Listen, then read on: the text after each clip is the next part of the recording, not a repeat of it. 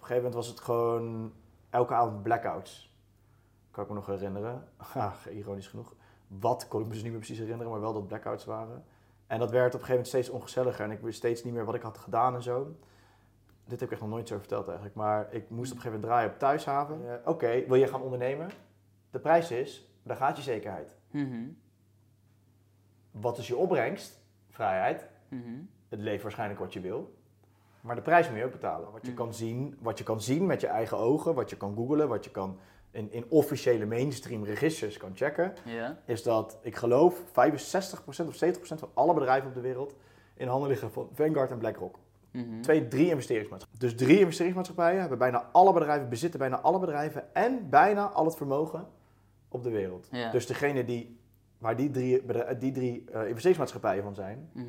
die hebben eigenlijk alles. Ja. Die bepalen alles. Ja.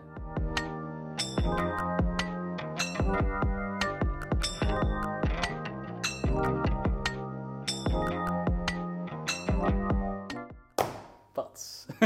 We zijn los. We zijn los. Ja, Welkom bij de Wist Geniet podcast. Tegenover mij zit een hele speciale gast, Jorren. Sowieso, dankjewel dat ik eh, hier mag zijn. Geen punt man. In mijn huis gewoon. Ja, heel bijzonder. Eh, binnenkort niet meer. Binnenkort niet meer. Nee, klopt. Laatste, eh, laatste maandje. Minder nog. Laatste 2,5 week denk ik. Dan zit mijn eh, reis, mijn avontuur in dit huis zit erop. Ja, met pijn in mijn hart hoor, moet ik zeggen. Het begint nu pas een beetje door te dringen dat ik hier wegga. Ik woon hier pas minder dan een jaar. Mhm. Ik ben hier komen wonen eh, toen eh, ja, ongeveer in dezelfde tijd dat mijn eh, ex en ik uit elkaar gingen. Mhm. En het is, tegelijkertijd kregen wij toen ongeveer een nieuw kantoor, wat hier om de hoek zit in Kralingen ook. Je bent in Kralingen, Rotterdam. Ja. Ken je Rotterdam een beetje? Nee man. Nee. We zitten in Kralingen, best wel, een, best wel een nice buurt van Rotterdam. En het kantoor zit hier redelijk om de hoek. En ik vond dit huis. En ehm, ja, het, het voldeed zeg maar aan alles voor mij. Want het is, nou, je bent, ik, ik vind het echt een hele nice plek. Super open en Mhm. ehm, lekker groot en zo ook. Alleen, ehm, ja, ik ben net terug, kom ik van mijn eh, bijna twee maanden reis door Azië heen. En ehm, ik heb altijd veel gereisd in mijn leven. Ik ben ook niet opgegroeid in Nederland. Mhm. En ik realiseerde me eigenlijk gewoon, ehm, het is echt, ja, nu gaan we gelijk even een, een deep dive doen. Let's maar, go. ehm, ik realiseerde me gewoon dat, je, het is zo waardevol om soms even uit je eigen eh, wereldje te stappen, zeg maar. Mhm, Om even mhm. uit te zoomen. En ik heb best wel, best wel een pittige drie jaar achter de rug. Ik wilde twee jaar zeggen, het voelt, het voelt maar twee jaar, maar het is drie jaar. Van ehm, ja, mijn, mijn ondernemerschap in de dancewereld naar corona, wat dat had stilgelegd, naar de hele andere route op eh, de Truman Show en alles wat ik, wat ik nu doe, zeg maar. Ja. Eh, een relatie krijgen, nou, in- in die relatie zeg maar ook nog eens heel veel leren over jezelf en over vroeger en weet ik het wat. Dus ook wel hard werken. Naar uit elkaar gaan, ehm, met je relatie met wie je ook een bedrijf hebt opgericht en dat ook netjes allemaal afhandelen. En nou, dat is allemaal in een hele korte periode ziek op elkaar gebeurd. En, ehm, en ik, op een gegeven moment realiseerde ik me gewoon van, ik moet, ik moet gewoon echt even weg. Mhm. Dus toen ben ik last minute, heb ik gewoon een vliegtuig gepakt naar, eh, naar Azië. Ben ik op Muay Thai trainingskamp gegaan in Thailand. Mhm. En ehm, ja, gewoon gekeken hoe, wat, eh, waar het schip zou stranden. En, ehm, en ja, en daar heb ik gewoon echt even uitgezoomd en even gereflecteerd. Daar wilde ik echt naartoe. Met eh, van, van wat, waar sta ik eigenlijk nu, weet je wel? Waar sta ik? Wat, heb ik? wat ben ik aan het doen? Waarom ben ik het aan het doen? En waar wil ik heen? Mhm. En ehm, reizen is voor mij altijd een heel belangrijk onderdeel van mijn leven geweest. Dus ik, zelfs in mijn tijd in de dance scene, waarin ik druk ondernemer was in Nederland, maar heb ik altijd wel tijd vrijgemaakt om te gaan reizen. En opeens voelde ik van ja, ik zit nu in een soort uniek moment in mijn leven dat ik het gewoon zo kan inrichten dat ik een groot deel, een deel in ieder geval van de tijd, er- ergens anders kan spenderen. Ja. Want ik krijg daar enorm veel energie van. En ik ben in die zes weken dat ik weg ben geweest, heb ik echt, echt een helikopterview gehangen over mijn leven. Van alles opgeschreven. Wat ben ik nou eigenlijk aan het doen? Hoe ziet het Mhm. bedrijf eruit? Want ik heb natuurlijk naast de, de podcast ben ik, ehm, ik denk anderhalf jaar zodat ik die podcast wil gaan doen, ben ik, eh, heb ik eh, Dead Spirit opgericht. Mhm. Dat is anderhalf jaar geleden. Ja, en dat is gewoon uitgegroeid tot best wel iets groots, zeg maar, met gewoon zeven man die er fulltime werken, wat eigenlijk alleen maar groeit. En Mhm. Ehm, dus ik dacht, ja, wat, wat doen we nou precies en waar willen we heen en, en, en hoe vullen we dat in? En ja, toen kwam ik eigenlijk gewoon tot de conclusie, ook heel erg kijken naar wat is mijn rol nou in het hele verhaal? Waar ben ik goed in, waar ben ik sterk in, waar ben ik minder goed in? Ja. Dat mijn rol, ehm, en dat is eigenlijk altijd in mijn ondernemersleven al wel geweest, is dat ik, ik heb het creatieve brein om dingen te bedenken, om concepten uit te schrijven, om, om groots te denken, toekomstbeelden te denken. En ehm, ik ben dan weer minder goed in zeg maar, de structuur en in dingen zorgen dat ze ook weet je wel, netjes vervolgens, hè, dat het allemaal loopt en zo. Want ik ben een chaot en ik, oké, kom, dan gaan we het nu doen en rammen. En, Ik ken me daar heel erg in, man. ja, Ja. en dan is alles ook mogelijk, weet je wel. Dat is super vet, hele vette eigenschap, dat altijd alles mogelijk is. Ja. Maar nadeel is op het moment dat je met een team begint te werken, is dat je heel veel van dat team gaat vragen. Ja. Want alles is mogelijk. Je ziet weet je wel, bijna geen drempels meer. En de drempels zijn dat er om er overwonnen te worden. En dat Mhm. is ook zo. Alleen met hoe groot je team wordt, realiseer je op een gegeven moment ook wel van... Oké, het is ook wel handig om er iemand bij te hebben die zegt... Dit is te veel. ja, ja, We gaan even kalm doen. We gaan even dit doen, want we moeten eerst dat. Of we moeten dus zo. En dan zorgen dat al die projecten ook gewoon een mooi fundament krijgen. Nou, dat was wat ik me heel erg realiseerde. Dat was ook na, het, eh, na, het aanleiding, naar aanleiding van een boek wat ik erover had gelezen. Ehm, Rocket Fuel Oké. voor ondernemers erg, erg, eh, erg waardevol boek om dat te lezen. Die, gingen, die zoomen er heel erg in op de, ja, de rollen binnen een bepaald bedrijf en de structuur binnen een bepaald bedrijf om iets echt verder te kunnen helpen. Ja. En ehm, ja, voor mij was dat heel waardevol. Eh, maar ook gewoon, ja, dus mijn eigen rol is weer eens goed onder de loep genomen van wat doe ik, waar ben ik goed in en Mhm. hoe kom ik het best tot mijn recht om die rol uit eh, te kunnen voeren. Ja. En dat is gewoon als ik de bewegingsvrijheid heb en de, ehm, de vrijheid heb om te kunnen denken, te kunnen dromen en creatief mijn, mijn hoofd te laten gaan. Mhm. En ehm, nou, dat, dat heeft mij er eigenlijk toen, toen besluiten om, doen besluiten om, om die hele structuur van Dead Spirit nog een keertje onder de loep te gaan nemen. En dat even helemaal, helemaal, helemaal klaar te zetten voor alle volgende stappen die we aan het ondernemen zijn. En we, echt, we zijn fucking grote dingen aan het doen. Mhm. Ehm, maar dus ook voor mij ehm, heb ik me gerealiseerd, ja, ik wil eh, meer in het buitenland zijn. Ja. Dus dat is wat ik nu ook ga doen. Ik ga, december ga ik weer weg. En, ehm, en in het buitenland gewoon mijn nieuwe ideeën bedenken, creatief bezig zijn. Ehm, en ja, de meetings kan je natuurlijk allemaal digitaal doen tegenwoordig, weet je wel. Dat is natuurlijk een luxe die we hebben. Dat we ehm, digitaal kunnen inbellen en zo. Ehm, ja, en zo echt verder, eh, verder eh, kijken naar de toekomst, weet je wel. En nou, het huis hier, dat zit dan een beetje in de weg met de hele hoge huur die je moet betalen. En, eh, dus, en ik heb dit vaker gedaan. Ik heb bij mijn vorige appartement, of drie appartementen geleden in Utrecht, toen woonde ik nog in Utrecht, toen heb ik op het ene of andere moment voelde ik gewoon, ik wil hier niet meer wonen. Mhm. Weet je wel? Ik weet niet wat ik ga doen, Mhm. maar ik wil hier niet meer wonen. Ja, dus heb ik gewoon van een of andere mijn huur opgezegd. Bam. En eh, ja, toen opeens, ook twee weken later, ik dacht, kut, ik moet wel iets gaan regelen eigenlijk. werd ik gebeld door een vriendin van mij. Ja, ja, het is uit met mijn vriend. Ehm, ik heb een kamer over. Wil je niet anders gewoon even een tijdje hier komen wonen? Dan zit ik ook niet alleen. Chill. Oké, prima, weet je wel. Wordt wel opgelost. Ja, het wordt opgelost. Mooi. Mooi dat je zo vanuit vertrouwen kan doen. Ja, het wordt uiteindelijk ook altijd opgelost. Ja, ik ben ook zo. Ik, ik, eh, op, een magische wijze komt het altijd weer goed. Het komt echt goed. Alleen ik snap ook wel, kijk, want ehm, als jij drie kinderen hebt, Ja. dan ga je niet het een op het andere moment je huur opzeggen, weet je wel. Mhm, Dus mhm. ja, als je, je hebt bepaalde levensfases laten denk ik ook bepaalde vrijheden meer toe en kun je ook meer zo denken. Net als nu ook, ja, als ik straks over anderhalf maand of zo terugkom, dan heb ik geen huis. ja, weet je al wat je gaat doen? Of? Nee, Zie je dan wel. dat zie ik dan wel weer. Kom maar goed. Kijk, ik heb nu een groot kantoor. Mhm. Ik bedoel, ideaal is het niet, maar als het moet, pleur ik een matras in, in kantoor. Ja, ja, ja, ja, ja, heeft mijn vriendin precies hetzelfde, man. Ze heeft eh, de huur opgezegd. Ze is nu zes maanden wereldreis aan het maken. Gaat gewoon desnoods in haar eh, studio eh Ja. een matrasje neerleggen mocht het nodig zijn. Ja, echt ideaal is het niet, maar je weet dat er toch altijd wel iets, iets te regelen valt of zo, Aha. weet je wel. En ik bedoel, ehm, ik moet vaak zat in Nederland zijn, hè, want mijn podcast is me erg dierbaar, die blijf ik natuurlijk gewoon doordoen. Dus opnemen, we hebben superveel toffe events, daarvoor ben ik in Nederland. Alleen, ik zit nu gewoon in een unieke fase in mijn leven waarin ik gewoon, weet je wel, ik ben 34. Ehm, ik heb een bedrijf opgebouwd wat gewoon met super vet personeel, wat ik bedoel, nog geen, een- bijna een jaar oud is. Weet je wel, Mhm. heel jong nog, maar er staat echt wel een super ziek fundament. Van allemaal toffe dingen nu doen met een mega goed team die het allemaal doet. Ik ben nu gewoon in een unieke gelegenheid om mijn leven zo in te richten. Dat, trouwens, iedereen kan zijn leven altijd zo inrichten zoals Mhm. hij wil. Maar ik ben nu in een unieke gelegenheid, weet je wel, vrijgezel, 34 jaar. Ehm, een fundament van een bedrijf wat staat. Om me te kunnen permitteren om dit te kunnen doen nu, weet je wel. En waarschijnlijk, ja, voor de laatste paar jaar. Want op een gegeven moment ga je natuurlijk wel gewoon een vriendin krijgen. Wat meer zetten, dan kun je natuurlijk nog steeds reizen. Maar, snap wat ik bedoel? Ik ben nu... Mhm. Ik voelde gewoon heel sterk van, ja, dit is nu het moment voor mij om dit op deze manier aan te pakken. Ja, ja. Interessant. Waar ga je spullen laten dan? Nou, het is gelukkig ehm, gemeubileerd gehuurd. Ah, oké, chill. Ja, dat scheelt dus- heel veel. Ja, dat scheelt echt heel veel. Dat scheelt heel veel. Dus ik heb, ik heb, al, ik heb al de afgelopen vijf, zes jaar heb ik al heel veel ontspuld, zeg maar. Mhm. Door ehm, uiteindelijk weg te gaan van mijn appartement in Utrecht, waar wel mijn eigen spullen in stonden. Mhm. En toen, vanaf dat moment heb ik eigenlijk, ja, ben ik gemeubileerd gaan huren, ben ik ingetrokken bij mijn vriendin, weet je wel, weer naar- uit elkaar gegaan en weer gemeubileerd gaan huren. Dus ik, eh, ik leef al met een koffer eigenlijk de Ja, afgelopen ja, paar ja. jaar. Oké, ik had gisteren heel toevallig een eh, eh, soort documentaire gekeken over eh, minimalistisch leven.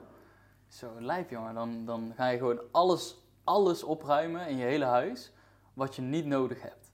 En wat je wat echt gewoon alleen pakken wat er echt toe doet, blijft super weinig over. Echt heel weinig. En dan, dan ga je eigenlijk door met minder te doen, meer overvloed ervaren, omdat je niet meer vastzit in je hoofd met allemaal dingen die je denkt nodig te hebben, Ja, die jou geluk gaan brengen of gemak gaan brengen. ja. Super Nou, daar kan ik me heel erg wat bij voorstellen. Ik moet zeggen, bij mij gaat het twee kanten op hoor, want ik heb altijd zo weinig waarde gehecht aan spullen eigenlijk. Mhm. Ehm, maar ook, ik ben, ik ben ook altijd wel on the run geweest, weet je wel. Ik ben altijd wel ehm, nou, een goede vluchter geweest. En ik denk dat mijn mate van weinig hechting ervaren aan iets van een thuis Mhm. ook wel daaruit voortkomt. Dus voor mij is het relatief makkelijk, omdat ik, ik zou, voor mij zou het juist een mooie oefening zijn om eigenlijk een wat meer een hu- huis thuis te creëren en me daarin ook thuis te kunnen voelen. Oké, ja, ja, ja. Met, onrust, met mijn onrustige bek altijd heen en weer te willen bewegen. Weet Ja. wel. Maar het, het gaat twee kanten op. Ik ben er ook blij mee, want het, het, het zet me wel, eh, het beweegt me wel vooruit. Mhm.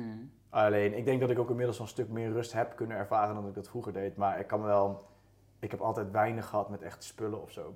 Mhm. Voor, mij, voor mij doen ervaringen er veel meer toe dan spullen. Ja, Vind ik hoor. 100%. Ja. 100% herinneringen, daar gaat het uiteindelijk om, vind ik. ja, vind ik ook. Kijk, en uiteindelijk als je het geld hebt, is het natuurlijk fijn om gewoon een comfortabele auto te rijden bijvoorbeeld of zo. Don't get me wrong, dat vind ik ook prettig. Mhm. Maar ik hang er niet aan. Nee, nee, precies. Weet je wel, ik hang niet aan spullen en ook een fijn huis is super fijn, maar ook uiteindelijk hang ik daar ook niet eens aan. Het Nee. gaat me echt veel meer om wat je doet en wat je bezighoudt en eh, wat je neerzet en ja, waar, je, waar je voldoening uit haalt. Mooi man. En je zegt je hebt eh, even goed lopen reflecteren. Ook tussendoor heel even iets delen. Ik heb toevallig vandaag heb ik een eh, reflectiemodel gelanceerd. Kun je gratis downloaden. Om je jaar te reflecteren en ook vooruit te blikken op het komende jaar. Nou, je hebt het al gedaan, maar mocht je het relaxed vinden, zijn echt super chille vragen. Kun je, kun je meenemen, ook voor de luisteraar. Ik zet het linkje in de beschrijving. Cool. Past mooi op, eh, sluit er mooi op aan. Ehm, ik ben benieuwd, want we hebben heel de eerste vraag eh, even overgeslagen. Waar kun jij echt bewust van genieten? Ik vind het een hele goede vraag, omdat ehm, ik ben daar echt slecht in geweest, altijd, mijn hele Oké. leven. Ja, ik heb, ehm, het sluit ook alweer aan op wat ik net zei, op dat op de vlucht zijn eigenlijk altijd. Op de vlucht zijn denk ik voor hoe je je in de kern eigenlijk echt voelt. Mhm. En eh, ik heb natuurlijk een, een verleden als dance-ondernemer achter de rug, veel gedj'd. Ja. En heel veel feestjes georganiseerd, een eigen club gehad. Dus ik was gewoon, ja, ik, volgens mij was ik 21 toen ik begon met ondernemen. Mhm. En toen was het één keer in de maand een feestje. Nou, dat werd steeds groter. Binnen een jaar opende ik de club. Dus toen werd het op een gegeven moment al drie nachten in de week. En ik heb mijn hele studententijd heb ik ook echt knijt veel zitten zuipen. Vroeger toen ik 16 was al veel drugs gebruikt. Dus ik was altijd al in dat nachtleven te vinden. Ehm, maar dat werd in die ondernemersjaren werd dat steeds meer. Ook omdat op een gegeven moment je werk, de nacht werd je werk ook. Ja. We hadden ook kantoor en er zat ook vier dagen per week op kantoor. Maar verder was het donderdag, vrijdag, zaterdag doorgaans de nacht in. En ehm, dat was gewoon zoveel verdoven. Zoveel drank, zoveel Mhm. drugs, zoveel vrouwen, zoveel ja, niet stilstaan en met je gevoel zitten, zeg maar. Mhm, mhm. Ehm, dat mijn genietmomenten waren dat. Maar om dat nou bewust genieten te noemen, dat zou, ik- zo, zou ik niet willen, zo zou ik het niet willen stellen, zeg maar. Dus ik haalde echt mijn vreugde mijn plezier haalde ik vaak wel uit, ehm, toch wel naar de klote gaan eigenlijk. En ehm, tot vrij in extreme mate ook, weet je, met echt nachten doorhalen. En ja, het heeft me wel heel veel geleerd, ook echt mijn lichaam leren kennen. Mhm. Maar zo heb ik wel een heel groot deel van mijn leven ben ik wel door, door het leven heen gegaan. En ik moet zeggen dat sinds ik eigenlijk op reis ben gegaan, mijn afgelopen reis, dat was echt even om mezelf, toen ik mezelf echt even uit deze situatie hier haalde. Dat was in lange tijd heb ik me zo dankbaar gevoeld eigenlijk als ik me heb gevoeld daar toen op die reis. Maar ook niet alleen voor die reis, Mhm. maar ook de dankbaarheid eh, die ik dan kon ervaren voor de dingen die ik had in Nederland. Mhm. Snap je wat ik bedoel? Het is echt heel Mhm. stom. Pas als je eruit bent en je er even niet meer middenin zit, ga je pas voelen van, oh wow. Weet je wel, kom je tot stilstand, ga je kijken en dan kun je echt voelen van, oké, wauw, ik, weet je wel, ik ben echt fucking blij dat ik de dingen doe die ik nu doe. En ehm, ja, ik moest spreken op een evenement in België vorige week. En toen had ik dat gevoel ook, weet je, zag ik al die mensen die daar stonden te luisteren en zo. En dat kan ik me heel nederig voelen, want ik van wie ben ik nou dat ik op het podium hier sta en dat jullie naar mij zitten luisteren. Ehm, maar tegelijkertijd komt daar een soort mega dankbaarheidsgevoel bij dat, wauw, weet je wel, ik bedoel, ik heb echt veel stront over me heen gekregen in drie jaar tijd. Mhm. Maar tegelijkertijd heb ik ook echt zoveel liefde gekregen in drie jaar tijd. En weet je wel, dat mensen naar me toe komen en zeggen van ja, eh, ik heb, door de Truman Show heb ik me gewoon even niet alleen gevoeld, weet je wel. Omdat ik wist dat er, weet ik veel, honderdduizend man die dan een aflevering kijken, dat die, ik, dat, ik voelde me dan op een bepaalde manier verbonden Ja, met ja, hen. ja, ja. Hè, dat ik dan in mijn, een, in mijn omgeving ben de enige die er zo over denkt. Mhm. Maar nou, dat platform heeft me, heeft me het gevoel gekregen dat ik er niet alleen voor stond. En nou, dat soort dingen, weet je wel, dat kan me zo, zo hard raken. En nu nog veel meer dan in de tijd dat ik erin zat. Want dan was het red race en hard gaan en, en je hoort wel, maar het komt niet echt binnen. Ja. En nu kan ik daar met zo'n dankbaarheid naar kijken. En is het antwoord op je vraag waar ik bewust van kan genieten? Het lijkt me raar om te zeggen dat ik daar nou bewust van geniet, maar doe ik wel. Ik ben op dit moment gewoon van heel veel dingen bewust aan genieten. Mhm. En dat is voor mij bijna een soort nieuwe ervaring of zo. Echt iets wat ik in ieder geval echt heel lang niet meer heb ervaren. Wow. Eh, ja, dat vind ik ja serieus. En ik heb het laatst ook een keertje op Insta gezegd. Omdat ik, dan deel ik dat omdat het, nou omdat ik dan enerzijds denk van, nou, misschien helpt andere mensen, maar vooral dat ik het even uit- de uit krijg of zo. Ja. Maar het voelt ook echt als een soort verankering van, van het proces wat ik de afgelopen jaren aan het do- heb doorlopen en nog steeds aan het doorlopen ben. Van, Mhm. ik kan inderdaad gewoon soms, nou nu, gewoon geregeld met dankbaarheid naar mijn leven kijken, weet je wel. En dan kan ik echt genieten van het feit dat ik, ehm, ja, dat we, ehm, de- kan ik genieten van, van, van de kleine dingen, weet je wel. Maar ik, ik kan van alles eigenlijk genieten, maar ik kan gewoon vooral stilstaan en me gewoon even dankbaar voelen voor, voor alles wat ik heb in mijn leven. Ja. Mooi man. En dat is, ik zweer het je, dat is, ja, het is mensen, die thuis zitten luisteren nu of ze denken, ja, eh, dat is toch prima, je kan het toch dankbaar voelen. Ja. Maar als je dat niet, niet gewend bent of zo, of niet doorgaans heel snel dankbaarheid voor iets voelt, omdat je Mhm. gewoon je leven leidt en gewoon veel op de vlucht bent, dan is het opeens gaan voelen is een, is een soort, ja, een soort energie en een soort gevoel wat, wat heel sterk is, weet je wel. Wat je, wat je, Mhm. als je dat nog niet hebt ervaren, dan ja, gewoon goed voelt om dat te kunnen ervaren. Ja, maar ik denk ook dat er een heel verschil zit in... Hè, je kunt eh, even je dankbaarheid opschrijven. Of het echt voelen. Ik bedoel, ik voel het ook niet elke dag even sterk of zo. Er zijn ook er zijn momenten dat echt zo'n golf letterlijk over je heen komt, weet je wel. En dat is echt... Ja, dat is bizar. Voelt supergoed. Het is het stilst, het is, dat merk ik echt. Het is het soms echt even stilstaan bij, Mhm. oké, wat, weet je, wat gebeurt er eigenlijk allemaal? Ja. En wat heb ik net eigenlijk gedaan? Weet je wel, van, nou, wat ik net al zei, dat spreken in, dat, in het België was voor mij zo'n moment dat ik terug in de auto zat. Nee, niet eens. Ik weet, wat, ik weet precies weer. Het begon al, ik, werd, ik had een hotel in eh, Gent, nee, Kortrijk? Ik, ik weet het niet eens meer, dus ik kan er nagaan. Ergens in België in ieder geval. Mhm. En ik zat in dat hotel en ik dacht gewoon op een gegeven moment... Jezus, kijk nou naar mijn leven, weet je wel. Ik word gewoon... Ik word uitgenodigd om ergens te komen spreken, waar ik betaald voor krijg, om een verhaal te lullen over, weet je wel, mezelf eigenlijk, over mijn leven gewoon, of over, nou, hoe ik naar de wereld kijk, laat ik het zo zeggen.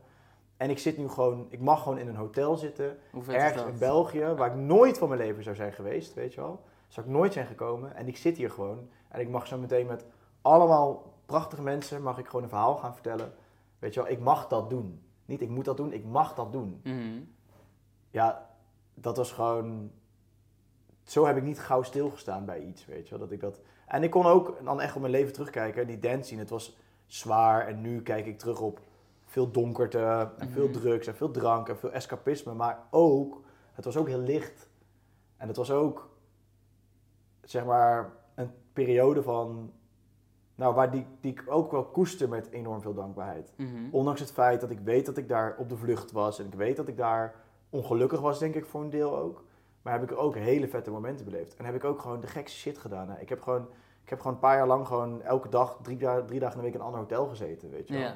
En gewoon de lijpste, lijpste dingen meegemaakt. Mhm. Zou ik het nu nog een keer doen? Nee, weet je wel. Zou ik nu nog een keer zoveel gaan drinken? Nee. Maar ik ben wel heel blij en dankbaar dat ik het heb mogen meemaken. Ja. Dat ik ook dat deel van mijn leven heb meegemaakt. Mhm. Daar wil ik wel even op ingaan, want eh, ik, heb, eh, ik heb toen die podcast bij Ondernemende Podcast geluisterd van jou. Dus toen kreeg ik meer inzicht in waar je vandaan eh, bent gekomen. En klopt het dat jij dus medeoprichter bent van Nachtcollege? Ja. Lijp, oké. Dus ehm, dat, jij hebt dat gedaan. Dat Mhm. ging ook vrij snel allemaal, dat je dat bent gaan opzetten vanuit de clubs eh, die je deed. Ja. Nou, daar, ik begon met nachtcollege. Nachtcollege was het eerste wat ik deed. Ja, ja maar je, eerst had je een soort, soort club of zo? Nee, of ben- gelijk nachtcollege gewoon? Nachtcollege was het eerste. Ah, oké. Ja. Ehm, dat was het eerste. Ja, eigenlijk wel. Kijk, ik werkte als bijbaantje in een club in, in Utrecht. Ja. Ehm, in mijn studententijd. Want nachtcollege heb ik samen met die gasten gedaan eh, toen ik nog studeerde. Ehm, en ik werkte als bijbaantje. En, en in die club waar ik, als, dat ik dat bijbaantje had, gingen wij een nachtcollege organiseren. Oké, zo ja. Ja, en dat, volgens mij heb ik dat in ondernemend de podcast verteld, dat, dat uiteindelijk, hè, dat we um, 350 kaarten hadden verkocht geloof ik, en dat toen de brandweer de club eh, een, een max capaciteit had opgelegd, omdat Ja. de, de, de nooduitgang weer niet klopt of weet ik veel wat, zoiets. Mm. En toen zijn we verkast aan de winkel Sinkel in Utrecht, toen hebben we in één keer duizend tickets verkocht of zo, ik weet niet meer precies, maar dus zo was nachtcollege ontploft. Ja, boom. En een jaar later, want toen zijn we een nachtcollege volgens mij binnen twee maanden of zo naar Groningen gegaan. Ik weet, weet je, pin me er niet op vast welke steden het nou precies waren, maar volgens mij Groningen en Nijmegen. Eh, Maastricht of zo, dat hebben we echt binnen een hele korte tijd gedaan. En toen kwam de club erbij, binnen een jaar, na het eerste feestje. Oké. Dus zo is het gegaan en toen is het nachtcollege natuurlijk verder uitgebouwd, hebben we de club verder uitgebouwd, zijn er festivals bijgekomen bij de Creek Festival en Ja. andere zaken. En nou, dat ben je nog een tijdje toen door gaan doen. Op een gegeven moment, eh, ja, hè, liep het zo, eh, ben je ermee gekapt. Eh, wat was een soort switchmoment, of misschien in, in delen, ja, dat jij echt ineens van dat wereldje in een totaal andere wereld zette waar je toen eh, mee bezig bent gegaan? Nou, er zijn, er zijn twee momenten eigenlijk bij, bij geweest. Ehm, ik denk het eerste moment, dat was denk ik de eerste keer dat ik een soort van echt tegen de lamp liep en voelde, het gaat niet helemaal goed met mij. Mhm. Ik denk dat ik dat toen niet eens heel bewust door had, het gaat niet helemaal goed met mij, maar nou, ik, ik weet wel, mijn drank- en drugsgebruik werd steeds erger. Mhm. En ehm, in de weekenden dan, en gelukkig heb ik het nooit door de week gedaan, dan was het voor mij echt alleen maar party gerelateerd. Maar Mhm. met partyen was het dan ook echt partyen, zeg maar. Mhm. En op een gegeven moment was het gewoon elke avond blackouts. Kan ik me nog herinneren. Ironisch genoeg. Wat kon ik me dus niet meer precies herinneren, maar wel dat blackouts waren. En dat werd op een gegeven moment steeds ongezelliger en ik wist steeds niet meer wat ik had gedaan en zo. Dit heb ik echt nog nooit zo verteld eigenlijk. Maar ik moest op een gegeven moment draaien op thuishaven en eh, afsluiten. En ik was gewoon vet vroeg op de avond en ik was gewoon, eh, ja, gewoon echt helemaal naar de klote gegaan al. En toen heb ik het draaien, heb ik zo verneukt dat, ze me, dat ik mijn set niet eens kon afmaken. Dat ze me eigenlijk op de taxi naar huis hebben gezet. Oh, wow. En ehm, dat ik wakker werd de volgende dag en dat mijn toenmalige vriendin zei van... Jij kan je denk ik volgens mij niet meer herinneren wat er gisteren is gebeurd. Nee, wist ik dus ook niet meer. Dus toen me verteld werd, toen dacht ik oké. Dus ik de eigenaar van thuis heb gebeld, mijn excuus aangeboden. En de dag later gestopt met drank en drugs en ja, voor in ieder geval een hele lange tijd. Mhm. En ik denk wel, dat was wel mijn eerste moment dat ik dacht... Oké, ik moet mijn leven anders gaan inrichten. En ik denk, want toen moet ik je ook al wel eerlijkheidshalve bekennen... dat toen ik dat deed... Want het is grappig, toen ik stopte met drank en drugs... begon gelijk de creativiteit weer te stromen. Oké. En ik was een beetje uitgeblust. Ik denk dat dat ook ervoor heeft gezorgd dat ik zo ging escaleren in die drank en die drugs. Want ik was een beetje uitgeblust omdat de uitdagingen voor mij binnen mijn bedrijf wel op waren eigenlijk. En ik voelde een beetje een plafond. We hadden zaten met een paar partners in die club. Dat ging eigenlijk niet helemaal soepel. Ik moet heel erg vrijheid hebben om mijn brein te kunnen laten gaan. Om mijn creativiteit te kunnen laten stromen. En als je mij kadert en klein houdt, Mhm. dan wordt het gewoon een heel lastig verhaal. En dat was er wel een beetje gebeurd. En daarom ging ik ook steeds meer draaien. En, ehm, en ja, en, en, toen, en toen ik dus uiteindelijk zo echt van oké, een of ander moment stopte. Toen kwam dus ook die creativiteit weer vrij voor het nieuwe dingen willen doen. Toen ik met mijn zusje heb ik een nieuw concept voor een restaurant ontwikkeld. Mhm. Dus door corona uiteindelijk eh, niet helemaal doorgaan. Maar om even aan te geven, zo was ik er weer mee bezig. En toen voelde ik eigenlijk al een beetje van, wat doe ik nog in die dance scene? Ja. En ehm, van, is dit alles wat ik eruit wil halen eigenlijk? Mhm. En ik, toen ben ik grappig genoeg naar Zuid-Afrika gegaan. En toen kwam corona. En volgens mij heb ik dit verhaal ook in een ondernemende podcast eh, verteld. Dus je moet maar zeggen of je het nog een keer wil horen. Maar eh, ik kwam terug van Zuid-Afrika en toen was corona in Nederland gekomen. Mhm. De hele heisa was in ieder geval in Nederland gekomen. En wij hadden met Nachtcollege een dagfestival staan in het Klokgebouw in Eindhoven. Ja. En ik kwam op de maandag terug, uit mijn hoofd gezegd. En volgens mij op de maandag was er een persconferentie dat alle evenementenvergunningen waren ingetrokken. Voor dat weekend door corona. Mhm. En dat, zou, dat was ons festival. Alleen wij hadden geen evenementenvergunning, want wij zaten in het klokgebouw. En het klokgebouw heeft een doorlopende horecavergunning. En technisch verhaal, alleen ze hebben de evenementenvergunning ingetrokken, maar niet de horecavergunning ingetrokken. Mhm. Dus wij hadden een soort loophole, Ja, zonder ja, dat we die bewust hadden gemaakt of zo. Maar de Mhm. loophole was er, dat wij door mochten gaan. Een aantal duizend man hadden we daar, zouden we daar bestaan. Hadden we al staan, want we hadden die tickets verkocht. En daar begon voor mij echt een soort van mijn eye-opening.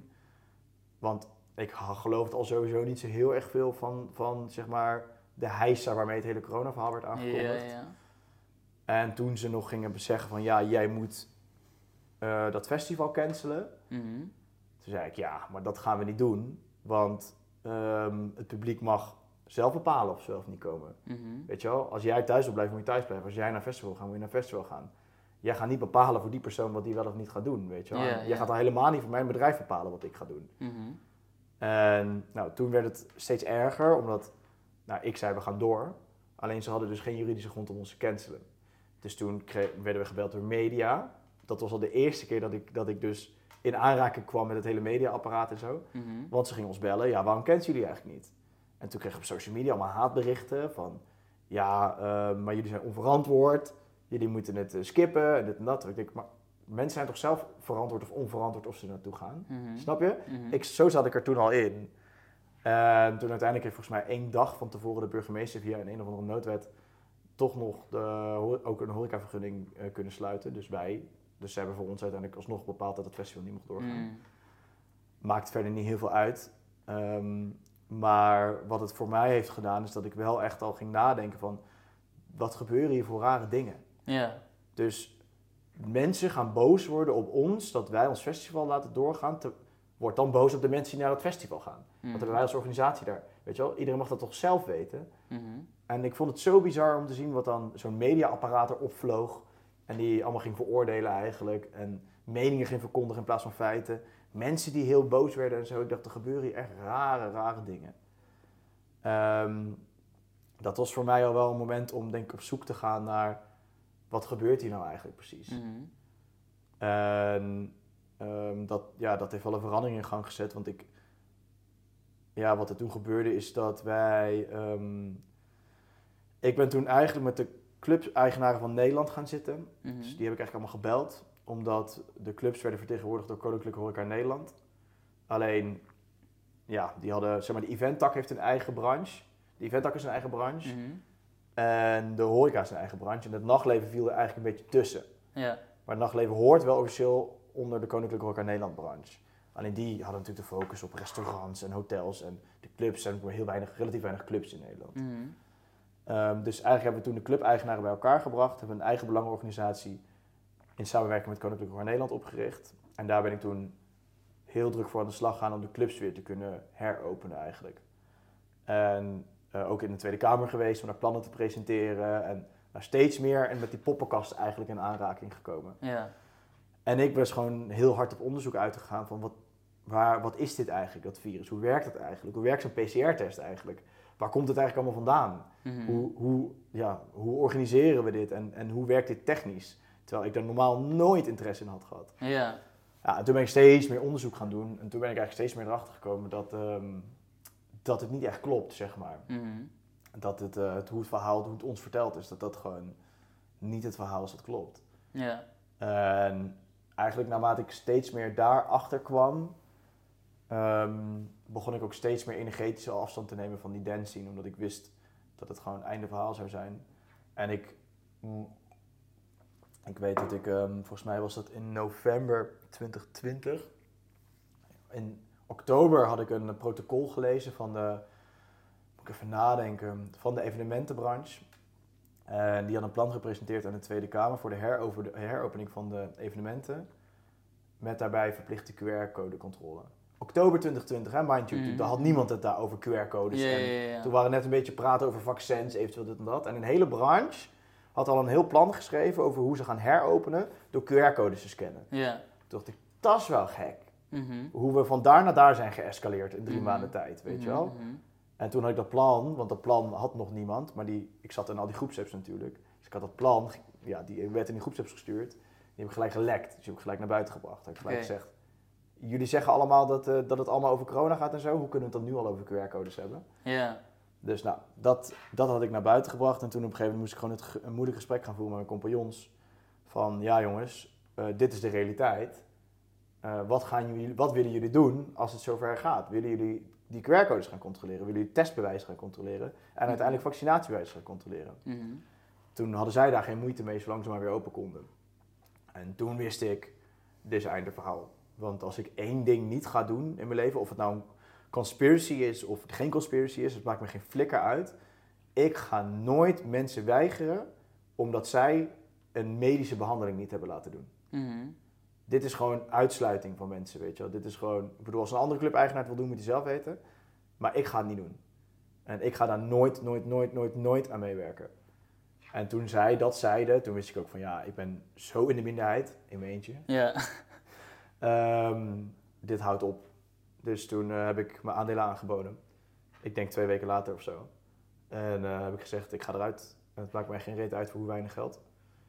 Ik wil eruit, ik wil een jaar salaris uithalen. En dan, eh, het maakt me niet meer uit, houd maar. Mhm. Ik stond natuurlijk ook niet echt in de positie om veel geld te eisen. Omdat zijn het- de club was natuurlijk ook al een half jaar dicht. Mhm. Langer al, tegen dat punt. Nou, en toen ben ik gewoon uitgestapt. Jij bent toen, eh, hoe lang, hoeveel tijd zat er tussen dat jij met de podcast begon, de Truman Show? Ik begon met eerst gesprekken te doen voor Café Welsmerts. Ja, oh ja, ja, ja. En dat deed ik eigenlijk omdat ik als woordvoerder van Nachtbelang, die belangenorganisatie. Ja, werd ik, de hele dag zat ik bij NOS, bij de radiostations, overal zat ik. En dus bij Welsmerts schoof ik ook een keertje aan. En toen ben ik daar altijd mee in contact gebleven, blijven hangen. Dus toen op een gegeven moment wilde ik meer doen dan wat ik deed. Omdat Mhm. ik steeds meer informatie naar boven haalde waarvan ik dacht dat het niet klopte. ja. En dat wilde ik graag delen met het publiek. En daar was Café Welsmerts toen een kanaal voor waar ik dat bij kon doen. Mhm. Maar eigenlijk toen ik bij Café Welsmerts zat, merkte ik al heel snel... ik moet dit zelf gaan doen. Mhm. Want ik moet nu niet in een logge organisatie zitten.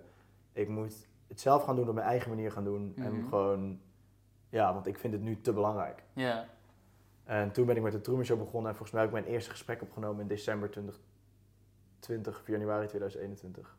oké. Oké. Ben ik wel benieuwd, want ja, eigenlijk door de hele de escalatie en de situatie van corona toen... eh, eh, ben jij bewuster geworden zeg maar, van hè, het hele spelletje en de hele podcast. Maar dat is dan het, het, het, dicht, het gedeelte wat zichtbaar is. Dus hier, hier op aarde, zeg maar. Nou, toen gauw genoeg in de gesprekken kwam jij er ook wel achter, net zoals Massa Messing mooi zegt, van het is een spirituele oorlog. Was je daarvoor met het stukje spiritualiteit en wat daarachter zit ook al bezig? Of Nee. kwam dat eigenlijk door de podcasten? Ja. Oké. En hoe, hoe, ja, hoe was dat voor jou om... om Nou, het is, eh, Marcel Messing heeft die deur voor mij geopend. mhm, Omdat hij het inderdaad, ik weet niet of hij de eerste, nou het klopt niet. Het heeft eigenlijk vanaf het moment dat ik, dat ik me hier echt mee ging, bezighouden, kwam er de hele tijd al dat soort shit in mijn, eh, in mijn beeld. Dus ik weet nog heel goed dat ik met Maaike Niestad een gesprek had opgenomen voor Café Weltsmerts. mhm, En dat mhm. ging eigenlijk met name meer over het verlies van haar moeder en over de farmaceutische industrie en die rol van de farma daarin. Oké. Maar Maaike is, ja, ik bedoel, die organiseert retreats en die is juist heel erg veel met dat stuk bezig. ja. En eh, ik weet dat, nou met Maaike heb ik toen een voorgesprek gehad. Ze is bij mij in Utrecht geweest. We hebben gewoon een avondje hebben we gewoon, eh, gezellig gaan doen. En hebben we gewoon over van alles nog wat gesproken.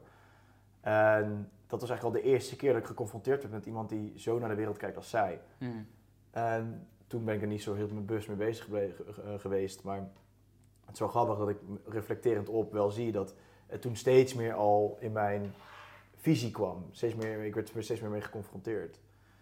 En eigenlijk vanaf Marcel Messing, dat was al de eerste keer dat ik een podcast over opnam, dat ik ook wel een soort van naar buiten toe kwam met meer spirituele thema's. Mhm. Want dat vond ik tot die tijd wel eng, want het, voor mij was het juist heel geopolitiek juist. En heel, nou eerst begon het over de vaccinaties en alles daaromheen, en, of corona en alles daaromheen. Mhm. En toen werd het politiek, geopolitiek. Mhm. Toen werd het, weet je wel, fucking Great Reset stijl gewoon. Maar hoe meer je verder graaft eigenlijk, hoe meer je erachter komt dat het echt nog, nog veel lager, dieper gaat dan dat. Ja. En ik denk dat Marcel heeft voor mij die deur geopend, met het in ieder geval naar buiten toe. ehm, dat, ik, dat ik daar meer, eh, meer over deed, meer, on, meer, on, meer podcast over opnam. Eh, en daarna ben, ik dat steeds meer gaan doen. En dan in je eigen zoektocht graaf je steeds meer. Totdat ik op een gegeven moment gewoon realiseerde van... Maar alles in de buitenwereld is allemaal leuk en aardig. Maar het enige waar het eigenlijk echt om gaat is je eigen binnenwereld. Want als je echt uitzoomt en als een helikopter erboven gaat hangen... is de buitenwereld niks anders dan een reflectie van je binnenwereld. En dat klinkt vaak heel zweverig of zo, maar hoe ongeheelder wij zijn als samenleving, hoe meer destructie je ook ziet in de samenleving. Mhm. En hoe meer dus psychopaten ehm, voeding krijgen om in topfuncties terecht te komen. Of voor ons in, in politieke functies terecht te komen. Of, of Mhm. bedrijven die runnen, of weet ik veel wat. En eigenlijk is het dus maar één ding echt belangrijk. Echt, echt belangrijk, is dat je met jezelf aan de slag gaat om voor jezelf een zo geheeld mogelijk mens te maken. Mhm. Goed, nu kan je zeggen, je bent al geheeld en eh, ja, dat is ook zo. Maar, of je bent al heel. Maar toch, weet je wel, dat je toch met jezelf aan de slag gaat Ja, om, zeker. om, ehm, om, hoe cliché het ook klinkt, de beste versie van jezelf neer te zetten eigenlijk. Want dan ga je pas echt shit veranderen in de wereld. Maar blijven wijzen waar het misgaat, ik bedoel, het is ook waardevol. Hè?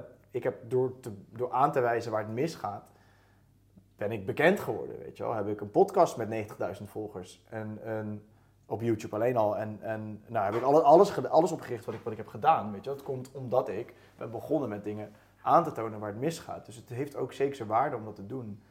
Alleen, iedereen heeft natuurlijk ook zijn eigen individuele proces daarin. Alleen op een gegeven moment denk ik wel dat het aan ons is om dat stapje verder te maken en met onszelf aan de slag te gaan. Want het, het is exact dat. Het is, hoe fucked up de wereld is, is één op één het resultaat van hoe fucked up wij van binnen zijn. Mhm. Hoe slecht wij onszelf hebben aangekeken. Klopt. En ja, dat was voor mij wel een van de sterkste realisaties om te beseffen van, oh ja, dit is, dit is het wel, ja. Hier, hier zit de kern. En toen ben ik ook met de podcast best wel lang in dat soort thema's gaan duiken, omdat ik vond dat, nou ja, dat dat een van de essentiële dingen was om ons hier uit te helpen. Ja. Om de shit in jezelf aan te kijken. Het is nog steeds geen populaire boodschap, weet je dat? Mhm. Want mensen willen nog steeds liever horen. Dat zie je nu ook weer met dat hele stemmen en dat hele verhaal. Oh man, ik heb weer een week stront op mijn social media gehad. Omdat ik zei dat ik niet ga stemmen. Ja. Ja, schitterend ook. Maar ehm, de, je ziet het nu ook weer. De, de, de mate waarin mensen toch nog een vorm van redding willen hebben. Weet je wel, toch nog iets willen hebben vanaf de buitenwereld om, om, om uit de situatie gehaald te worden waar we nu in zitten. Mhm. Ja, dat zegt twee dingen. Eén, dat je de situatie nog niet geaccepteerd hebt zoals die is. Dat is, al, dat is al nummer één. Je bent nog steeds aan het wegkijken voordat het echt zo is zoals het is. Je hebt het niet geaccepteerd, je hebt het niet gedoorvoeld. Want je ziet dat het zo is, je weet dat het zo is. Maar dan is stap twee acceptatie. En, en dat is altijd, ja, maar ik ga het niet accepteren dat de wereld zo is zoals die nu is. Nee, er wat aan doen is heel mooi. Alleen je moet wel eerst accepteren dat het de realiteit is, voordat je Mhm. hem kan gaan veranderen. Want als Ja. je niet eens accepteert dat de realiteit is zoals die is, ga je hem ook niet kunnen veranderen. Mhm, mhm, Want wat is de realiteit? Dan je ontkent hem. En nou, dat is, dat is één, één sterk ding. En ik denk dat ding twee, wat ook heel logisch is, maar je bent toch op zoek naar je vader of moederfiguur om jezelf uit, uit een situatie te redden die niet goed voor jou voelt. Ja. Dus daar zitten ook nog lijntjes, weet je wel. En, en, en dat, is, dat is denk ik voor een groot deel wel wat ik zie. Ik bedoel, er zijn ook mensen die zeggen van ja, maar je, moet, je kan gewoon stemmen, want baat in de schade niet. En dat is- zijn allemaal argumenten die kloppen. Ehm, dus het is ook niet voor iedereen, maar het, het laat me wel zien. Ja, het laat me wel zien dat we nog flink wat werk te doen hebben ook. Mhm. Dat is wel de conclusie die ik trok de afgelopen twee weken van. Ga, we hebben nog wel aardig wat werk te doen of zo. ja, nogal. nogal. Ik ben ook altijd heel benieuwd. paar jaar geleden dacht ik echt, ja, ja we, we zitten er nu midden in, eh, dadelijk hebben we een nieuwe wereld. Maar ik denk eerlijk gezegd dat het iets langer gaat duren dan dat ik toen dacht. Ehm, ik ben wel benieuwd, ik wilde eigenlijk wel naartoe gaan naar dat, dat stukje wat we eigenlijk eh, niet zien. En nou, helemaal niet in de media, maar hè, ik denk dat eh, de meeste mensen die nu deze podcast luisteren wel een beetje hun vraagtekens hebben of hebben gehad bij eh, het hele vaccinatiegebeuren en zo. Ik bedoel, dat is tegenwoordig algemeen bekend dat het geen klopt aan alle kanten. Dat het gewoon niet klopt. Het is gewoon algemeen bekend, komt zelfs nou ja, half op de media. Ehm, maar mensen die bijvoorbeeld dit luisteren en een beetje weten of nog helemaal geen idee hebben van het stukje spiritualiteit wat daarachter zit. En dan heb ik het, wil ik eigenlijk toegaan naar, ik ben benieuwd hoe je daarnaar kijkt, naar het satanisme en zo. Ehm, En jij wilde niet diep gaan. ja, nee, nee, ik wilde niet. ja, oké, nee, fuck it. Ehm, ja, ik, ben, ik wil wel mensen meegeven en eigenlijk ook wel mezelf. Eh, want ja, zoveel informatie, zoveel hoeken en gaten waar je kunt, waar je kunt zoeken, antwoorden kunt vinden. Ehm, wat is belangrijk, denk je, voor mensen om te weten, iets wat jij simpel, gemakkelijk gewoon kan vinden, wat, wat fijn is om je in te verdiepen van dat je, dat, ja, dat je daarvan op de hoogte bent. Of ja, fijn is misschien niet het goede woord. Snap je een beetje eh, ja, de vraag waar ik naartoe wil? Ik vind het erg lastig. Ik vind het er, een erg lastig onderwerp. Want voor mij, ik heb wel. eh, Mijn filosofie is wel veranderd daarin. Oké, Omdat ik. ehm, kijk, bepaalde dingen. Oké, ik ik denk dat je eerst, eerst moet je een soort vraag stellen. Een casus gaan maken van wat is waarheid? Mhm. Want daar, gaat, daar, daar, daar vindt al discussie over plaats. Hè? Dat, dat is al een soort van begrip waar je eerst soort van allebei over eens moet zijn voordat je verder een bepaald gesprek kan voeren. Wat is waarheid? oké, ja. Want er zijn mensen die zeggen, eh, ja, waar, de waarheid, de waarheid bestaat niet. Mhm.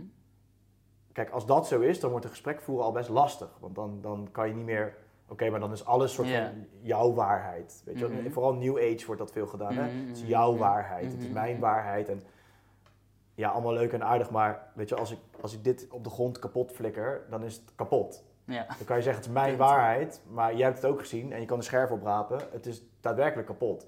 Dus ik ben wel van mening dat er ergens een ultieme waarheid is. Maar, en dit is nu het grote maar, is het is wel heel lastig om die te achterhalen. Omdat heel veel shit niet klopt. ja. Dus mijn uitgangspositie is tegenwoordig geworden, zou kunnen. Ik weet het niet zeker ja, meer. Ja, ja, ja, ja.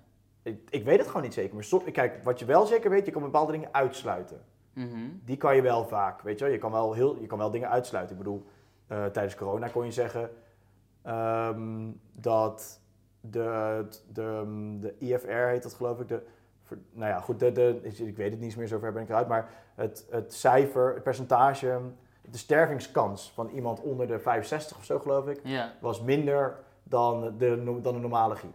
Mhm. Ik weet het niet meer precies, zoiets was het, pin me er niet op vast. Maar dan kun je zeggen, oké, nou, het is in ieder geval niet erg wat er gebeurt. Weet je wel? Mhm. Daar- dat kun je allemaal naar kijken. Je kan allemaal dingen uitsluiten. Maar dan kom je op een gegeven moment uit bij de vraag van, wat is het dan wel? Wat gebeurt er dan wel? En die is lastig, Mhm. want dat is occult. Dat stopt ze weg. Dat is in het niet zichtbare voor ons. Ja. Dus ja, daar kan ik wel over theorieën praten. Mhm. En dat doe ik ook graag, want ik Mhm. ontdek die, on- die theorieën heel graag. Ja. Weet je, volgens mij zegt Tibor dit ook vaak. Ehm, het gaat er niet per se om wat die waarheid is, want waarschijnlijk gaan we er nooit achter komen wat de waarheid exact is. Het gaat erom dat we blijven zoeken naar die waarheid. Mhm. En dat in die zoektocht naar die waarheid je die ook zal spreken. Weet je? En dan kom je er ook wel op een gegeven moment achter dat ja, je kan iedere keer dieper gaan. Ik ben ook al honderd keer teruggekomen op dingen die ik heb gezegd of gezegd of, of gedacht. Ja. Waarvan ik nu denk, oh ja, ik, ik zie dat nu wel anders dan dat ik het, dan ik toen dacht. Dus eigenlijk het meest waardevolle wat ik, wat ik eigenlijk altijd iedereen kan meegeven, is gewoon om nooit iets aan te nemen als zijnde waarheid en altijd zelf op zoek te gaan. Ja. Ik denk dat we dat gewoon verplicht zijn aan onszelf, want we worden gewoon echt wel aan alle kanten voorgelogen. Mhm. Wat ik denk dat, ik denk dat dat waarheid is. Ja. Weet je, prove me fucking wrong, ga het, ga het opzoeken. Maar, ehm, maar wel, zo- onderzoek dat. Onderzoek Mhm. dat, weet je wel. Want ik, ik denk dat daar, daar ligt een van de meest waardevolle dingen die we te doen hebben, is zelf gaan onderzoeken wat waar is of niet. in de wereld, maar ook in jezelf. Mhm. Weet je wel, erachter komen, wat, wat, wat is de wereld? Wat ben ik? Mhm. Volgens mij zijn dat van die essentiële vraagstukken waar die we allemaal, wat we te onderzoeken hebben in onze tijd dat we hier op deze wereld rondlopen. Ja. Dan laat je jezelf namelijk niet meer gek maken. Maar ik voel ook, ja, we hebben ook maar weinig invloed natuurlijk. Mhm. Ehm, maar ja, dus wat zou mijn. Ja, kijk, we kunnen natuurlijk een uur praten over de Great Reset. We kunnen Ja. een uur praten over, eh, over satanisme, over politiek en over de schaduw, achter de schaduw, achter de schaduw. Ja, kijk, ik denk niet dat wij ehm, dat de regels in Den Haag worden gemaakt. Mhm. Denk je wel? Nee. Nee. Nou, dus- er worden wel regels gemaakt, maar ja, ik geloof dat daar nog veel meer lagen boven zitten die we niet zien of horen. ja, laat ik zo zeggen, ik geloof niet dat daar plannen gemaakt worden Mhm. in Den Haag. Ja, ja, ja. ja. Regels, de, regels, de, regels worden in Den Haag gemaakt om de plannen uit te voeren. Mhm, Ja, ja, precies. Dus de plannen worden ergens anders gemaakt. Waar worden die gemaakt dan? Nou, waar worden die gemaakt? Ja, waar op de wereld, dat weet ik niet. Ja. Kijk, eh, je hebt, ehm, eh, hoe ik het zie, mijn, mijn visie, ik weet ook niet alles. Eh, ik weet helemaal, niks. Ehm, we hebben de politiek, nee, we hebben, ons, dan hebben we de politiek en dan heb je nou, banken, multinationals. Maar als we kijken naar wie en wat hebben de meeste invloed op ons, dan is het gewoon alle grootste bedrijven, dus Big Tech, Big Pharma, Facebook, et cetera. Die bedrijven, de voedselindustrie, de farmaceutische industrie.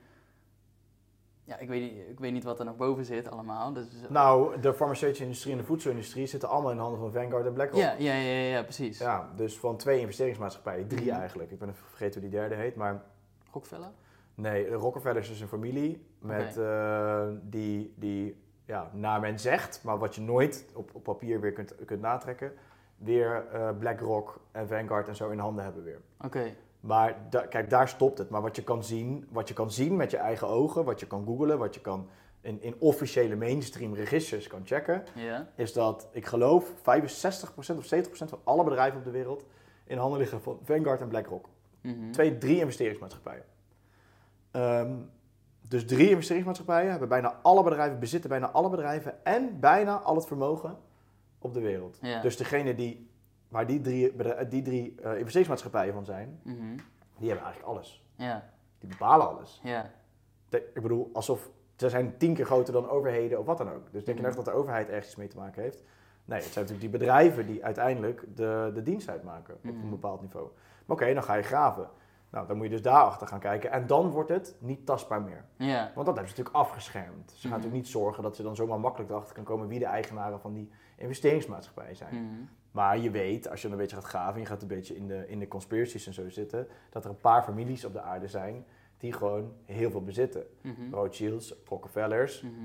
ehm, Orsini's, de hele, achter die hele, in Italië zijn een paar van die hele grote families. Dus je hebt, ja, je hebt een aantal families, zeg maar, die gewoon heel welvarend zijn. Heel welvarend zijn. Rijker zijn dan het lijstje wat wij te zien krijgen van de rijkste mensen op aarde. Want ja. ik denk dat Elon Musk echt iets betekent, dat Bill Gates echt iets betekent. Mhm. Dat zijn loopjongetjes Mhm. van de families die daarboven zitten en daarachter Mhm. zitten. Mhm. Die hebben veel meer vermogen dan dat die mensen in dat lijstje hebben. Ja. Eh, zij mogen het spelen naar de buitenwereld. Dat, dat is wat ik denk. Maar mijn punt eigenlijk is, is dat je, want je kan nog veel dieper gaan, hè? Mhm. Want daar komt op een gegeven moment, ja, ik denk niet, dat is misschien te diep. Maar Nou, zeg maar. Ik ben wel benieuwd. nou, daar komt op een gegeven moment vandaan, ehm, dat kan je nog veel verder gaan kijken, want dat komt van vroeger. En van waar komen zij, hoe komen zij aan hun geld? Waar komen zij vandaan? Ja, ja, ja, ja. Wat voor afkomst hebben zij? Mhm, mhm. Nou, en dan kom je in, in echt wel donkere hoeken terecht. Alleen, ehm, dan kom je zelfs op een gegeven moment misschien wel terecht bij buitenaardse en shit. Mhm. Van Anunnaki en zo? Anunnaki is een theorie die verklaart waar wij vandaan komen als mens. Vind ik rete interessant. Weet ik of het klopt? Hoe de fuck moet ik dat weten? Weet je wel? Hoe moet ik weten of het klopt? Ik weet dat gewoon niet meer. Het enige is wat je kan denken, nou, als we het over de Anunnaki hebben, het lijkt mij aannemelijk. Het, lijkt mij, het voelt aannemelijk. Oké, ik wil even een zijweggetje in die hierop aansluit. Ik ben wel benieuwd, want nou, die verschuiving heb je vast ook ergens meegekregen. Eh mij valt het op, mij heeft het getriggerd en geïnteresseerd. Ehm, een soort verschuiving van de term New Age naar de weg van Jezus. Heb je die weg gezien? Ja, En hoe, hoe kijk jij daarnaar? Dus een hele andere aftak. Ja, ja, ja, even een zijweg. Ja, weet je, ehm, het ligt een beetje in lijn met wat ik net zei over de politiek. Het, ehm, het is, voor mijn gevoel, is het nog steeds niet kunnen accepteren dat de wereld is zoals die is, maakt dat jij open staat voor invloeden van buitenaf in plaats van van binnenaf. En welk dogmatisch systeem je er ook op nahoudt, New Age zit vol dogma's. Mhm, De, eh, die, eh, de Bijbel zit vol dogma's. mhm. De ehm, politiek zit vol dogma's, de wetenschap zit vol dogma's. Het is, zolang jij dus een externe autoriteit nodig hebt die jou gaat vertellen hoe jij je leven moet leiden, Mhm. denk ik dat jij nog shit hebt in jezelf wat je niet geheeld hebt. Want ik denk dat we dat uit onszelf moeten halen. Mhm. Kijk, ik geloof wel dat je dingen van buitenaf kunt gebruiken om die weg naar binnen af te leggen. Mhm. Maar ik geloof wel dat het uiteindelijk gaat om die weg naar binnen. En wat ik nu zie gebeuren, waarom mensen hangen aan de politiek, nu ook weer, met net de verkiezingen achter de rug, waarom mensen boos worden als ik niet ga stemmen, omdat ik in de weg sta van wat zij zien als oplossing. En zij, zijn, zij zien iets externs als oplossing voor de weg hieruit. En daar geloof ik niet in. De weg, of de weg hieruit is intern Mhm. universeel, collectief, voor iedereen intern. En ik denk wat er gebeurt van New Age naar, eh, wat jij nu hebt dus over dat er dus van mensen een New Age overstappen naar, naar het smalle pad, naar Jezus, Mhm. is dus dat zij dus al die tijd in een New Age niet van hun ongeluksgevoel zijn afgekomen. Niet van hun Ja, ja, ja, depressiviteit, niet van hun Aha. ongelukkig gevoel over zichzelf, over hun leven. En zullen ze dat misschien niet op dat moment ervaren, maar ik herken het. Want mijn externe redder was drank, drugs en vrouwen heel lang. Weet je? En je, je gaat zoeken, je blijft zoeken of verdoven. Om niet over te hoeven gaan op het gevoel hoe jij je echt voelt. Mhm. En dat is ook een sick eng gevoel, hè? want er zit gewoon zoveel trauma in ons opgeslagen. En ik wil ons niet een trauma aanpraten daarmee. Alleen, we zijn ons vaak zo onbewust van de patronen die ons eh, gevangen houden eigenlijk. Waar dat vandaan komt. Maar vooral ja, wat daar dan onder ligt. Hè? Want eh, het begint natuurlijk zo, je bent gewoon een jong kind. Meestal van je 0 tot je zevende of zo, daar gebeurt, daar gebeurt het meeste in. Mhm. En ehm, wat je daar, ja, daar heb je bepaalde dingen niet gekregen die je wel had moeten krijgen. Mhm. Vaak is dat hetgeen wat een soort van trauma veroorzaakt, is je moeder die er niet onvoorwaardelijk voor je was. Mhm. Of eigenlijk ehm, ja, een soort parentificatie, dus dat je, dat je al heel snel eigenlijk verantwoordelijk werd voor de gevoelens van een van je ouders bijvoorbeeld. Hè, en dat je hebt geleerd dat jij bepaalde dingen moest doen om, je leven, om in je levensbehoeftes eh, voorz- eh, voorzien te worden. Mhm. En eigenlijk vanaf het moment dat je dat doet, scheid je dus al een stukje van jezelf af. Mhm. En creëer je eigenlijk iets om iets niet te hoeven voelen. En daarmee bedoel ik eigenlijk, als jij, dus stel, je, ja, je moeder was er niet onvoorwaardelijk voor jou. Mhm. Ja, wat doet dat met jou als je één bent, zonder dat je dat bewust meekrijgt? Is, oh, mijn moeder, eh, die is er niet voor mij. Mhm. Het zal wel aan mij liggen. Mhm. Het ligt aan mij dat ik niet krijg wat ik nodig heb om, ehm, om, om, om een leven te blijven eigenlijk. Hè? Want als je namelijk echt zou moeten zien dat je moeder niet in staat was om jou die dingen te geven, dan kan je net zo goed stoppen met leven. Dat is te, te groot. Hè? Want dan betekent dus dat je geen, veilig, geen veiligheid hebt. Ja. Dus wat jouw systeem doet, is eigenlijk het op jezelf betrekken, zodat jij, ehm, ja, zodat je eigenlijk in leven kan blijven. Zodat je toch in die behoeftes voorzien kan gaan worden. Zodat je zelf gaat zorgen dat je die behoeftes gaat voorzien en gaat leven. Maar jezelf altijd heb je dus dat stemmetje in je hoofd, Mhm. dat je het eigenlijk niet goed genoeg bent. Of het niet waard bent. Of Mhm. welke negatieve zelfsovertuiging je dan ook ehm, jezelf aanpraat eigenlijk om jezelf in leven te houden. Mhm. Het is een heel mooi systeem, want daardoor overleef je het als je heel jong bent. Maar het dient je natuurlijk niet meer als je volwassen bent. Mhm. En ik denk dat vaak onder die stemmetjes een gevoel van heel veel angst, verdriet, woede en eenzaamheid ligt. en het- nu probeer ik het echt een soort van mega notendop allemaal uit te leggen. hè, Want het gaat natuurlijk veel verder. Je hebt mensen als Gabor Maté en van die hele... Nou, Jan Bommeré ligt hier ook echt een boek van. Die, die daar heel veel onderzoek naar doen en daar heel veel over spreken en zo. Maar ik probeer het een soort van kindertaal...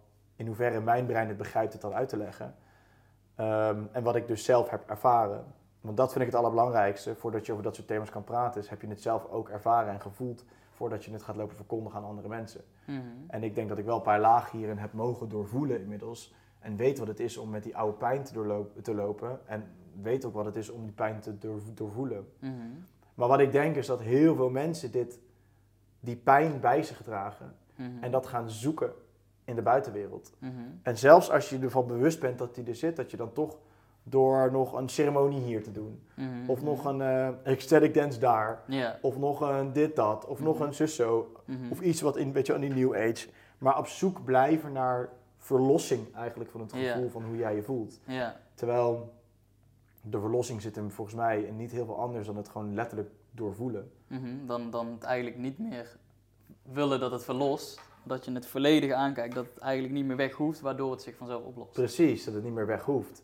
En dat is denk ik wat, wat er bij veel mensen, zonder te generaliseren, maar wat er bij veel mensen gebeurt van de New Age naar het smalle pad verhaal, is het is niet gered worden door de New Age, want je gaat nooit gered worden, want niemand komt je redden. Ja. Tot dan een paar influencers die die, die stap maken naar dat, naar dat smalle pad. En dat is van alle tijden en niet alleen nu. Ik bedoel, het is van alle tijden Ja, dat er ja. weer zo'n soort christelijke kerk of een kerk opstaat om dan weer mensen, ehm, eh, ja, om dan weer mensen mee te nemen in hun eigen ideologische stroming. Mhm. En wat ik dus denk is dat er heel veel mensen dus maar niet gered worden in de New Age. Zeggen van ja, maar dit werkt ook niet. Mhm. En dan komt er iemand die zegt, maar jij hoeft ook helemaal niet gered te worden. Het enige wat jij hoeft te doen is je tot Jezus te keren en Jezus zal jou redden. Ja. Nou, dat is een welkome boodschap als je gewoon heel veel pijn hebt en, Mhm. en, en nog niet bent aangekomen om die pijn letterlijk te doorvoelen. Mhm. Ja, dat vind ik dus interessant, omdat ik heb, ik heb dus een paar van die testimonial video's zitten kijken op YouTube en zo. En ik hoor ook wel van mensen die echt van, ja, eigenlijk nooit iets met Jezus te maken hebben gehad. Die gewoon ineens een droom krijgen over Jezus of, of, of daarmee in aanraking komen op een random manier. En, en dat vind ik interessant. En wat ik ook interessant vind is dat ehm, ik heel veel van die overstap zie. Van, van moslim naar Jezus, van boeddhisme naar Jezus, van ayahuasca naar Jezus, et cetera. Maar er is niemand die terugstapt, zeg maar. Dus nou ja, ik vind dat gewoon Maar interessant. nou, dat klopt niet, want ik heb in mijn DM heel veel mensen die van het christendom naar eh, de islam zijn overgestapt. Oké, Eh, maar heb- zijn die mensen, zeg maar, ik weet niet of je weet, zijn die dan vanaf de geboorte al bij het christendom? Dat weet ik niet. Maar ik, wat ik weet is dat die overstappen en die switches tussen die geloofsovertuigingen van, van overal plaatsvinden. Ja, oké. Het is niet alleen naar het christendom en daar blijft iedereen in hangen. Dat, dat slaat nergens op. Want kijk, ik heb er een paar keer iets over gepost. Mhm. Omdat op een gegeven moment was ik er een beetje klaar mee. Omdat Mhm. wat ik zelf... Kijk, iedereen moet zelf weten waar hij niet gelooft. Hè? Mhm. Als iets voor je werkt, ik, ehm, helemaal goed. Prima, Ja. weet je wel. Ik zie wat er gebeurt. Ik denk dat het daar iets mee te maken heeft. Mhm. Maar mij maakt het verder niet uit. Wanneer het bij mij uit begint te maken, is als je mij ermee gaat lastigvallen. En als je mij tactieken gebruikt, die tijdens corona ook werden gebruikt. Mhm. Want dat doen mensen die het smalle pad zijn gaan bewandelen. Wat doen die? Die gaan jou veroordelen dat je niet datzelfde pad bewandelt. En die gaan dezelfde retoriek gebruiken als de mensen ehm, tijdens corona eigenlijk. Mhm. Dus ja, ehm, nou, je komt in de hel als je er niet in gelooft. Mhm. Dat is de allerhardste manipulatietechniek die je kunt gebruiken. Mhm. Want wat, wat zeg je tegen iemand die, die wankelt, die, ang, die angstig is, die niet chill is? Als jij niet gaat doen wat ik zeg dat je gaat doen, kom jij in de hel terecht. Ja, ja, ja. En ehm, echt, als dat soort dingen gebeuren, daar, daar gaan mijn nekharen van overeind staan. Want ik denk, Mhm. dat, dat kan niet de bedoeling zijn. Klopt, zeg maar. klopt. Daar ben ik het ook helemaal mee eens hoor. Dat is ook niet wat moeten maar, het is, maar of jij dat nou letterlijk zegt of niet, het staat in die boeken geschreven. De hele ideologie is, als jij niet gaat doen wat er in dat boek staat, kom jij niet in de hemel terecht. Ja, ja, ja, ja. Ja, sorry maat, maar zo, zo werkt het gewoon niet. En al werkt het wel zo, want dat, ik heb daar laatst een keer discussie met iemand, over gehad. Ze zei, maar wat, ja, maar wat maakt jou nou uit? Dan kun je toch maar beter gewoon doen voor de zekerheid. Mhm. Zeg, wat, wat ik als serieus als een criterium is om in de hemel te komen dat ik aan een soort dogmatisch stelsel moet voldoen, dan kom ik maar in de hel terecht. Dat ga ik gewoon niet doen. En ik al helemaal niet. Ik, ik hoef niet in iets te geloven wat andere mensen veroordeelt omdat ze daar niet in geloven. Mhm, mhm. En ehm, dat, ja, ja, maar dit, ja, maar ik leg het niet buiten mezelf. Ik, ik, ga, ik kijk in mijzelf. Oké, wat vind ik hiervan wat hier staat? Wat vind ik hiervan? Ik, als persoon Jorn Luca. Mhm. Nou, ik ben het er zwaar mee oneens dat je niet in een soort volgend leven, paradijselijk leven gaat, zou uitkomen op het moment dat jij niet exact doet wat er in het boek staat. Als dat de manier is, dan niet. dan kies ik zelf bewust voor niet dat pad te bewandelen. Mhm. En, en ik denk dat we dat best wel, best wel kwijt zijn geraakt om bij onszelf binnenin te tunen hoe of wat. En weet je wat ik sowieso grappig vind van die hele geloofsovertuigingen? Mhm. Kom aan. Er zijn, Anunnaki-verhaal is veel ouder dan de Bijbel. Mhm. Of welke geloofsovertuiging dan ook. Die kleitabletten uit Sumerië zijn veel ouder dan welk boek geschreven dan ook. Ja. Ja, ik vind het ook interessant hoor. En ik, eh, ik sta niet per se aan een kant alleen. Ja, ik vind het wel interessant. Maar ik ben dan wel benieuwd eigenlijk, eh, ja, wat is jouw geloof? Of, of ik weet niet of je het een geloof kan noemen, maar ja, waar geloof jij in? Of wat is voor jou God? Of ja, hoe zie jij dat? Nou, dat is weer een lastig. Kijk, dat, dat is precies dus waar we net in het begin van het gesprek, of in ieder geval een tijdje geleden, dus ook op uitkwamen. Is hoe ik snap niet hoe mensen kunnen zeggen: ja, dit klopt 100%. Mhm, Hoe weet je dat nou? mhm, Je hebt een gevoel dat dat misschien zou kunnen kloppen. Dat is een Mhm. ander verhaal. Nou, daar kan ik in meekomen. Maar je Mhm. kan niet zeggen: dit klopt, dit is waarheid. mhm, Hoe, ben je er al geweest dan? Heb je het al gezien? mhm, mhm. Nee. Dus je kan mij helemaal niet vertellen dat het waarheid is. Je kan Mhm. hooguit mij vertellen dat dat een gevoel is dat het voor jou klopt. Ja. Prima. Kijk, ik ga meer, wat ik meer ben, dat is dan toch wat meer cognitief gezien, is ik sluit meer, ik ga eerst uitsluiten wat klopt er niet. Nou, er klopt een hele hoop niet. De wetenschap klopt niet, de politiek klopt niet. Ik denk dat de, de Bijbel, de Koran, de Toran en uh, Torah heet geloof ik, hoe heet het boek van de Joden, zoiets. Ehm, daar zit volgens mij fucking veel wijsheid in. Maar ik ga gewoon verder denken. Denk van oké, maar jullie zeggen eigenlijk allemaal hetzelfde, maar dan net even iets anders. Dat vind ik ook zo'n grappig verhaal. Ga ik toch nog één ding vertellen over dat hele geloofsverhaal. Van jullie zeggen allemaal dat jullie het enige zijn wat er klopt. Dus al die, al die moslims zitten ernaast. Die gaan allemaal naar de hel dan. Mhm. Of al die christenen zitten ernaast, die gaan allemaal naar de hel dan. Weet je wel? Of, of, of de joden of zo. Hoe, ik, niemand heeft mij dat fatsoenlijk kunnen uitleggen. Hoe dan kan dat één van die geloofsovertuigingen de ja, enige dat snap is. ik ook nog niet, man. dat snap ik ook nog niet. Daar kan ik ook niet bij. Nee, dus dan ga ik kijken naar wat gebeurt er dan. Nou, er is een verhaal opgeschreven in kleitabletten, ouder dan welk boek dan ook, ehm, waar een soort ge- vergelijkbaar verhaal in staat, maar net anders. En dan heb je, nou, dan, dat, dat, zijn dus, dat is de Anunnaki-theorie. Hè, dus dat er, wil je die eh, bespreken, de Anunnaki-theorie? Mm, doe maar een kleine introductie. dat is Oké. nogal een hele theorie natuurlijk. Het is een hele theorie, maar hij is ook eigenlijk niet zo heel ingewikkeld, want ook in de, in de Bijbel en in de, Kora- in de eh, Koran staan Mhm. dat de reuzen hebben geleefd op aarde. Ja, Het staat in allebei die boeken. Dus als je ja. daar gelooft, moet je daar ook in geloven. ja. Ehm, nou, de, in die kleitabletten die zijn vertaald. Ik geloof dat het honderdduizenden tabletten zijn. En die zijn allemaal vertaald door verschillende bla bla bla. En daar staat eigenlijk bij al die vertalingen ongeveer hetzelfde in. Er leefde een ras hier op aarde. Het was, eh, nou, er was hier gewoon het aarde. En er was een andere planeet. Ik ben even kwijt hoe die planeet nou heet. Kom ik later nog wel op. Mhm. En die, ehm, daar leefde een, een ras genaamd de Anunnaki. Mhm. Nou, dat waren ehm, mensen, maar dan heel groot. Tussen Mhm. de 2 en de 4 meter, uit mijn hoofd gezegd. Mhm. Die hadden een planeet. En die, ehm, wat zij nodig hadden, een planeet om een planeet draaiende te houden. Ik geloof om een afweermechanisme draaiende te houden. Ik weet niet precies, is goud. Ja, ja, ja, klopt. Ja. En nou, zij moesten goud hebben, want op hun eigen planeet was goud niet meer beschikbaar. Mhm. Toen zijn ze naar aarde gekomen, want hier is overvloed aan goud. In ieder geval overvloed niet, maar genoeg goud. Mhm. En toen zijn ze hier mijnen gaan bouwen om dat goud te delven. Mhm. Maar er leeft hier ook al een soort wezens op aarde. En dit is waar de theorie soms een beetje anders wordt. Maar de overkoepelende theorie is allemaal hetzelfde. Ehm, ze zijn hier naar aarde gekomen om dat goud te delven. En op een gegeven moment dachten ze, fuck deze shit, we gaan het niet meer zelf delven. Mhm. Zij waren veel verder qua technologie dan wij, logisch. Want zij hadden gewoon eh, eh, ehm, eh, voertuigen om hier naartoe te komen en shit. Ja, ja. En wat ze hebben op een gegeven moment hebben gedaan, is dat zij ehm, van de wezens die hier leefden, hebben ze eigenlijk nou, een kloon gemaakt. Maar die hebben ze hun DNA zo dusdanig aangepast dat zij eigenlijk gemaakt zouden worden om, te, om slaaf te zijn van de Anunnaki om dat goud te delven. Mhm, mhm. Om dat goud te delven. En daar komt dan ook uiteindelijk het verhaal van Adam en Eva vandaan. Eh, want ze hadden geloof ik de mannelijke kloon, daar hebben ze dan een rib van gepakt om de vrouwelijke kloon te maken. En die hebben ze dan samen in de Garden of Eve, eh, Eden, in de Gar- Garden of Eden bij elkaar gezet om te kijken of daar dan ook kinderen uit zouden komen. Want dan konden Anunnaki het hele proces loslaten. En dan waren er van altijd opnieuw slaven geboren Mhm. om goud te gaan delven voor die Anunnaki. Oké, nou je slaat die twee vliegen in één klap. Namelijk, je hebt alle geloofsovertuigingen onderuit gehaald. Want ehm, wat zij God noemen is Enki dan, geloof ik. En Enki was dan de opper Anunnaki, Mhm. die ook afgebeeld wordt als, als God. Ehm, en dan zie je alweer in de mythologie van, van, de, van de Grieken, van de, nou, daar zitten, komen allemaal dezelfde soort goden in terug. En die zijn allemaal één op één te linken aan, aan de bevelhebbers van de Anunnaki. Die wij dus als kleine wezens als goden zagen. Mhm.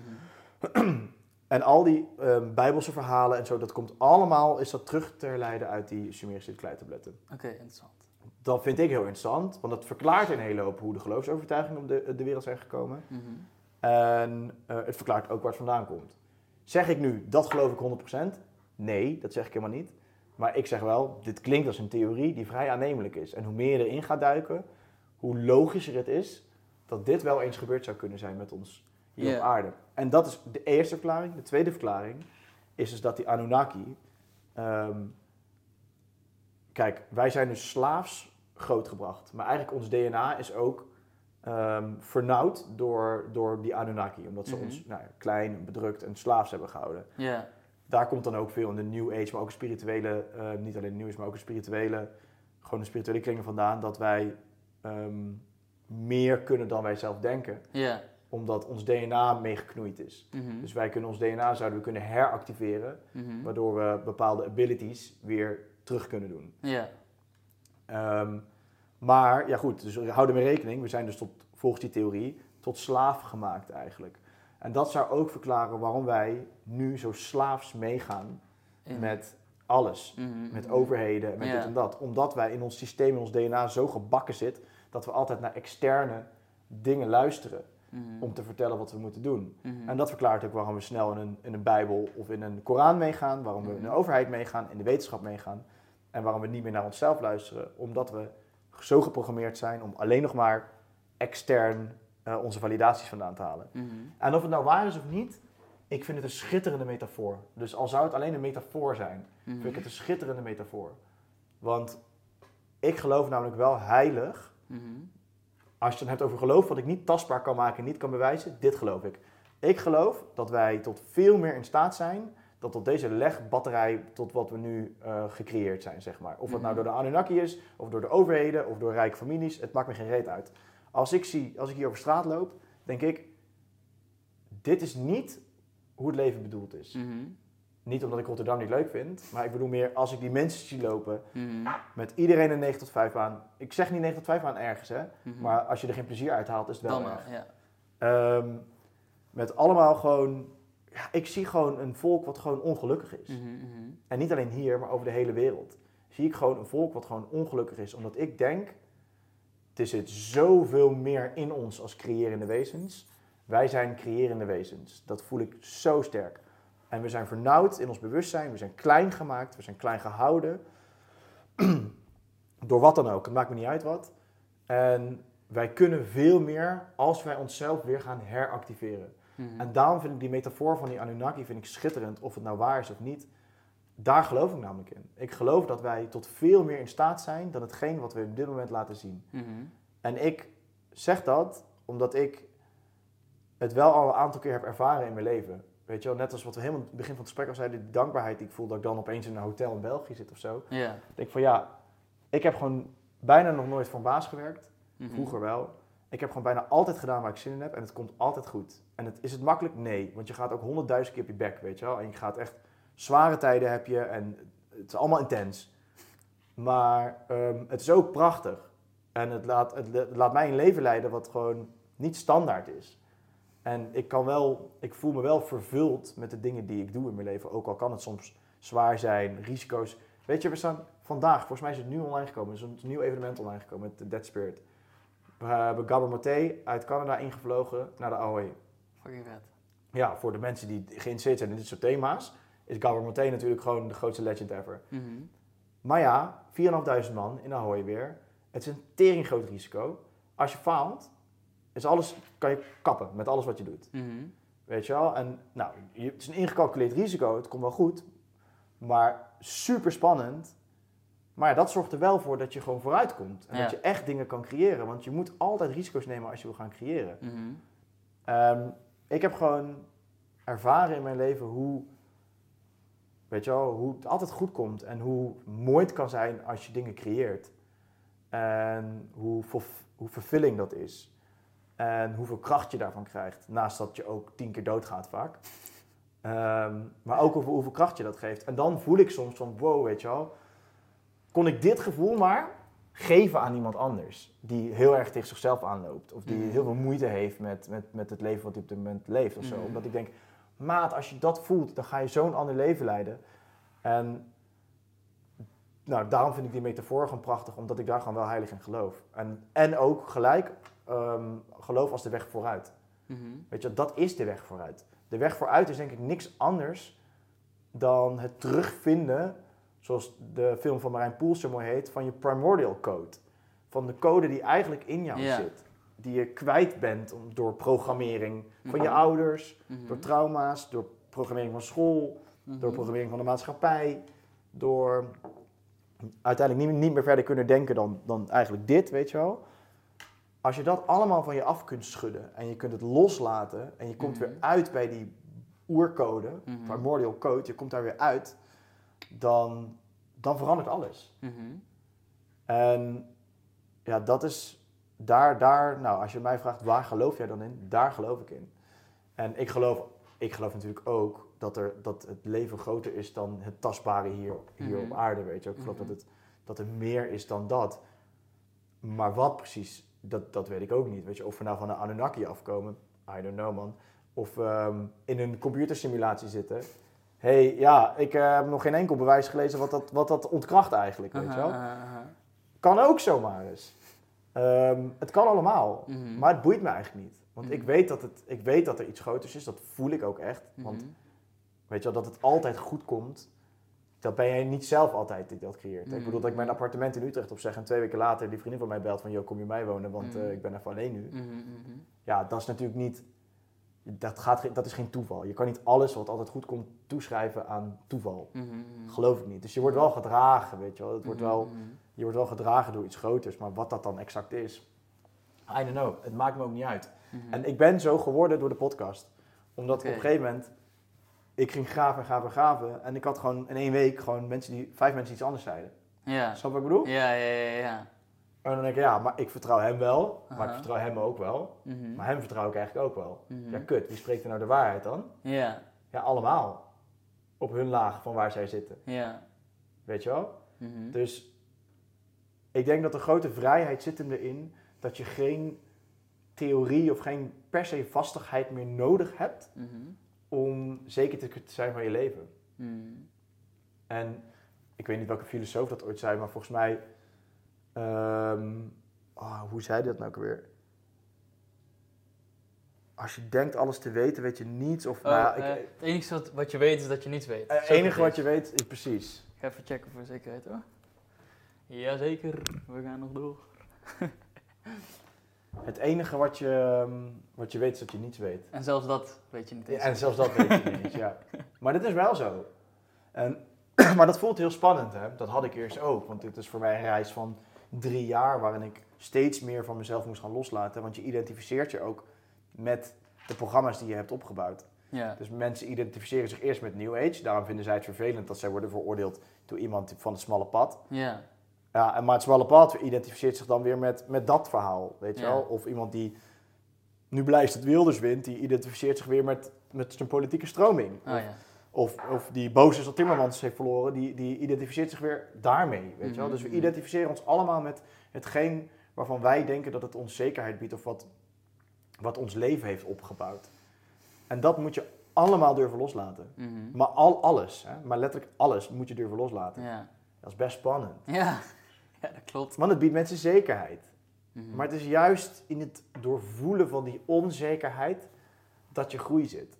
Want als je kan accepteren dat je het even allemaal niet meer weet, hoe het precies zit, en daar rust bij kunt hebben, dan verandert alles.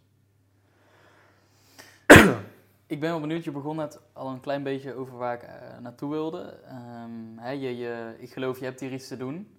En eh, je begon over de 9 tot 5, dat op zich 9 tot 5 niks mis mee is. Alleen wel als je er geen plezier in hebt. Niet voor de mensen die nu kijken die wel missie voelen en het ook aan het leven zijn. Maar voor de mensen die voelen, hmm, wat ik nu aan het doen ben, volgens mij is dat niet wat ik te doen heb. Ik heb iets te doen, ik weet nog niet wat. Ik ben zoekende of ik weet het misschien wel een beetje, maar hoe ga ik het doen dan? Wat wil je eh, daarin meegeven, ook vanuit jouw ervaring van, je, van de switch die je hebt gemaakt, aan mensen die ja, in die zoektocht zitten? Ja, nou kijk, ik heb wel geleerd dat ik ehm, zelf wat minder zwart-wit mag denken. Omdat niet alles wat voor mij werkt, werkt voor een ander. Ja. Ik denk dat dat sowieso een hele belangrijke is, weet je wel. Dat de ene heeft hele rigoureuze stappen nodig. Kijk, ik voel gewoon op een gegeven moment als ik iets niet meer wil, Mhm. doe ik het niet meer. Kap ermee. Snap je? En dan maakt het me niet uit wat daarop volgt, want ik Mhm. weet toch wel dat het goed komt en ik Mhm. verzin wel iets.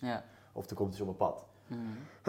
Ja, kijk, dat vind ik heerlijk. Als je voelt dat je dat wil doen, als je dat kan doen. Kijk, ik, dat zou ik iedereen willen adviseren. Zit je in de kutbaan, zeg het gewoon op. En je bent volgende maand weg. Klaar. Ja. Ja, ja. Gewoon doen. En je ziet vanzelf al wat er dan gaat komen. Ja. Voor mij werkt dat.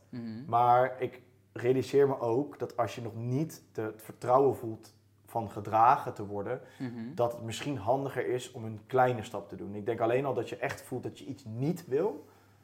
Dat is al een hele mooie stap. Hè? Want ik denk dat mensen willen veel te snel al vervolgens een stap erachter zetten wat je wel wil. Ja, ja, ja, ja. Maar da- daar hoef je soms even niet te weten wat je wel wil. Mhm. Je, wat je vooral moet weten is wat je niet wil. Mooi, ja. En ehm, vanuit die nee, want dat heb ik. Mensen willen vaak veel te snel naar een ja toe gaan of zo. En als je een ja voelt, is het natuurlijk prachtig. Hè? Ga voor die ja, go. Alleen heel vaak kom je pas achter een ja als je iets hebt gedaan waar je nee bij voelt. Juist. En als je die nee eerst even accepteert. En ik denk dat die, dat die wel sterker is. We moeten gewoon nee zeggen dan. Mhm. Dat mogen we gewoon doen. Je mag gewoon, als je nee voelt, mooi. Handel maar naar die nee. En dan komt die ja vanzelf wel. Het zo zou, ik denk dat dat wel een hele, een hele waardevolle tip is. Maar ook, weet je, veroordeel jezelf ook niet omdat je vindt dat het niet hard genoeg gaat. Hè? Want Mhm. we moeten ook wel een beetje lief voor onszelf zijn. En wat ik net zei, je hoort natuurlijk iedereen altijd zeggen van alle succesverhalen. Alle succesverhalen klinken opeens heel makkelijk dan. Mhm, mhm. Terwijl het is echt niet makkelijk. Weet je wel, ik heb van de week nog de anekdote verteld van ons eerste evenement in Ahoy. We zouden eigenlijk in een gashouder zitten in Amsterdam. Oh ja. Nou, dat ging op een gegeven moment allemaal niet meer lukken. Dus zijn we naar het klokgebouw gegaan in Eindhoven.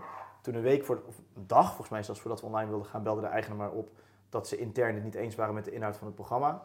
Nou, paf, gecanceld. Ehm, ja, dan sta je dat twee keer al, hè. Of voor je grootste evenement, zeg maar, spreeksevenement ooit, Mhm.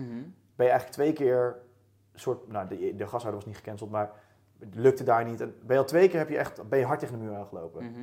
Ja, ik, ik zweer, negen- 99% van de mensen had al lang gestopt. Mhm. Ja, dan ga je nog een keer door. Nog een keer locaties zoeken, nog een keer locaties zoeken. Ga je naar Ahoy, die twee keer het formaat had van die andere locaties. En die verkoop je binnen 48 uur uit. Snap je wat ik bedoel? Mhm. Je moet door blijven gaan, door blijven gaan. Het is fucking zwaar. Je komt, alleen, je komt heel veel tegenslagen tegen. Zoals mensen die zeggen van ja, alles is flow en eh, dit en dat.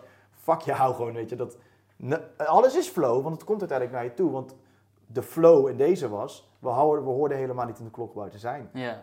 Hoorden in Ahoy te zijn. Ja. Want we hebben opeens 4.500 kaarten Juist. verkocht in plaats van 2000 kaarten. Ja. ja. Dat was het pad wat we hadden moeten bewandelen. Mhm. Maar dat pad hadden we niet bewandeld als wij niet door waren gaan en door waren gaan en door waren gaan als we nee hadden gehoord, te horen gekregen. Ja, 100%. Dus, weet je, het is ook gewoon, je moet bereid zijn om, ehm, om dat ervoor te willen doen. Weet je, alles heeft een prijs. Dat is echt zo, hè? Alles Mhm. heeft een prijs. Wil jij je 9 tot 5 baan niet meer? Eh, Oké, wil je gaan ondernemen? De prijs is, daar gaat je zekerheid. Mhm. Wat is je opbrengst? Vrijheid. Mhm. Het leeft waarschijnlijk wat je wil. Maar de prijs moet je ook betalen. Mhm. En die moet je bereid zijn om te betalen. Ja. En ehm, daarom, daarom als mensen dat zo, zeker in die New Age hoek, maar, helemaal in flow en dan allemaal geen moeite meer en zo, daar geloof ik gewoon niet in. Daar geloof ik gewoon echt niet in. Dit- Het kost moeite, het is hard werken, maar het voelt niet als hard werken omdat het je passie is. Juist. Omdat je ervan houdt, omdat het je liefde is. En dan doe je het met plezier, maar het is nog steeds hard werken. Nou, ik heb je Mhm. net mijn schema een beetje verteld, nu ik zes weken in Nederland ben, wat ik allemaal moet doen. Mhm. Ja, dat zijn gewoon van 's ochtends tot 's avonds keihard werken. Mhm. Ehm, maar het is leuk, weet je wel. Ik mag hier met jou een podcast op zitten nemen. Ja. Ja. En een beetje, ik weet niet hoe lang we aan het lullen zijn, maar gewoon eh, een beetje lullen, weet je wel. Ja, ja, ja, mooi. Ja. Ja, ik vind dat ook echt prachtig. Dat, dat, daar ben ik ook heel vaak dankbaar voor gewoon. Dat is onderdeel van mijn werk, weet je wel. Hoe vet Ja. is dat? Super vet, toch? Ja. ja. Nou ja, maar, en dat krijg je er dus voor terug. Maar ja, ik, ik, wat ik eigenlijk wil zeggen is, het zijn meerdere dingen, weet je, dat, dat is één punt. Maar ook, wees gewoon niet te streng voor jezelf en begin gewoon met iets kleins anders of zo, weet je. Je moet ook Mhm. gewoon soms even voelen dat je iets kan doen wat je wil doen. Ja. En dat dat niet gelijk een hele rigoureuze grote stap hoeft te zijn. als je moestuin wil beginnen, begin een moestuin, weet je wel. Mhm, mhm. Het zijn hele kleine dingen die je kan doen waarvan je denkt, ja, dit wil ik doen, wat je gewoon, wat je gewoon moet doen. Ja. Maar goed, ik, ja. Maar als ik dan ja, all in als ik ben, zou ik wel, ehm, Radicaal. ja, vind ik wel het lekkerste om gewoon te denken, je, je wil dat niet meer, niet meer doen. Ja. Stoppen. Mhm. En er komt wel iets nieuws op je pad wat beter bij je past. Ja. Je hebt in ieder geval gevoeld, dat is ook zelfliefde hè. Je hebt in ieder geval gevoeld dat dit het niet voor je is. Mhm. Stop er dan mee. Mhm. Ja, stop er gewoon mee. Mooi. En dan komt, het, ehm, dan komt het vanzelf wel goed, man. En zeker als je nog jong bent, weet je wel. Ik hoop dat je publiek lekker jong is. Redelijk jong, ja. Ehm, dus dat je nog niet soort van in die hele drie, vier kinderen. En ehm, ook dan kan het, hè. Maar zeker als je jong bent, dan eh, ja, let's go, man. Wil ik als ene laatste, ik heb altijd een laatste vraag, maar daarvoor wil ik daar nog eventjes heen. Ik ben wel benieuwd, gewoon even, ik gooi hem even op. Het schoolsysteem hebben we. En we hebben ja, kinderen, de jeugd, ik geloof dat hè, die moeten het dadelijk in ieder geval gaan doen. Ehm, ook kunnen we nog heel veel doen bij eh, mensen van 40, 50, 60 plus. Maar ja, daar zit denk ik toch wel de verandering. Ehm, wil jij je ook gaan richten op die doelgroep? Of zeg maar, eh, waar ik naartoe wil is, ja, hoe, eh, waar denk je dat de, de, de grootste veranderingen gemaakt gaan worden in de komende jaren? Mm, nou, kijk, als ik kijk binnen mijn bedrijf, binnen That's Spirit, werken allemaal mensen onder de 30. Mhm, Dus, eh, het grootste gedeelte tussen de 20 en de 22. mhm, Jong, vind ik zelf toch wel. Ehm, nou, als ik. Ik geloof wel dat daar een heel groot deel van de verandering vandaan moet komen. En ik hoop ook echt vooral dat zij gaan stoppen met school. En, eh, en, en niet te lang in het systeem blijven hangen. En gewoon voor zichzelf dingen gaan doen. En lekker gaan werken. En erachter komen wat ze leuk vinden. Lekker reizen. En ehm, een beetje soul searching doen of zo. En, en vooral, ja, daar gaat wel een groot deel van de verandering vandaan komen. Laat ik het zo zeggen, daar is de grote winst te behalen. Ehm, ja, mij lijkt het wel echt. Ik bedoel, ik vind het nu al te gek als ik zie dat hoe jong het team is, wat zij al verzetten, weet je wel. Dat het echt. Dat vind ik echt een wereldprestatie. Lijkt mij heel tof. Kijk, ik zou, als ik zelf kinderen zou hebben, zou ik zolang ze op een leeftijd komen dat ze, weet je, wat kunnen. Kom maar mee werken, weet je wel. Mhm. Leuk. Ga maar, ga maar leren, ga maar dingen doen die je leuk vindt. Oké, hij viel heel even uit. We waren gebleven bij, eh, ja, als laatste bij over het, eh, het schoolsysteem en dat we de verandering te maken hebben in de jongere generaties. Alleen de laatste vraag stond er nu op, dus die doen we nog even een keer. Eh, was wat jij nu op dit moment eh, vanuit je hart wil meegeven aan iedereen die deze podcast heeft geluisterd. Ja. En ik vind het nog wel belangrijk om die nog even te delen. Toch nog een keertje delen. Ja, hij, hij, eh, het antwoord daarop komt natuurlijk wel enigszins overeen met, ehm, met, met, met het... Hè, want uit mijn hart, nou eigenlijk bijna het hele wat ik deze podcast heb besproken komt wel uit mijn hart. Mhm. Ehm, en zeker dat laatste stukje. Maar kijk, ik denk voor mijn gevoel mogen we soms wat dankbaarder zijn voor het feit dat we de kans hebben gekregen om op deze aarde rond te lopen nu op dit moment. En zeker als je in de gelegenheid bent om iets als deze podcast te kijken, weet je wel. Het is een voorrecht. Het is echt een voorrecht dat we hier mogen zijn en hier mogen lopen. Dat is al zoiets super bijzonders. En ik zeg dit niet zodat je vervolgens je trauma's kan bypassen of je schaduw kan overslaan. Of dat je mm, eh, niet meer hoeft aan te kijken wat er in de wereld gebeurt of zo. Dat is, dat is geen pleidooi om te bypassen, dat zeker niet. Alleen, soms zijn we denk ik zo verzeild geraakt in al die thematieken van de trauma's, van eh, oh de overheid is niet best met ons voor, tot aan uh, Wilderswinter. Weet je, al, al dat soort dingen, al die concepten en programma's en zo. Belangrijk, maar ook weer niet belangrijk. Want je loopt hier op deze aarde rond en dat is gewoon een motherfucking voorrecht. Mhm. En weet je, volgens mij hebben we dus gewoon echt te zorgen dat we hier nu op deze aarde, in deze rit, gewoon het beste ervan maken. En gewoon het, het meeste eruit halen wat je eruit kunt halen. Gaat leven, gaat doen wat je wil, gewoon niet meer gaat doen wat je niet wil. Ehm, joy ervaren in je leven, plezier maken, fun maken, een feestje ervan maken. Ehm, en tegelijkertijd ook je shit aankijken, je trauma's aankijken en je schaduwwerk doen. En het is zwaar, ook dat is, gaat zwaar zijn. Weet je wel, je janken, dat hoort er allemaal bij. Maar dat hoort er misschien juist wel bij wat het weer leven maakt. Juist. Ervaar het allemaal, weet je wel. Ervaar alles in het leven. En hou je altijd, ja, hou je altijd in je mind dat het een voorrecht is dat je op de aarde mag rondlopen, weet je. Dat je van, als je gelooft in zielen, incarnaties en zo, dat jij een van die zielen bent die het, dan, die het hier mag komen doen nu. Mhm.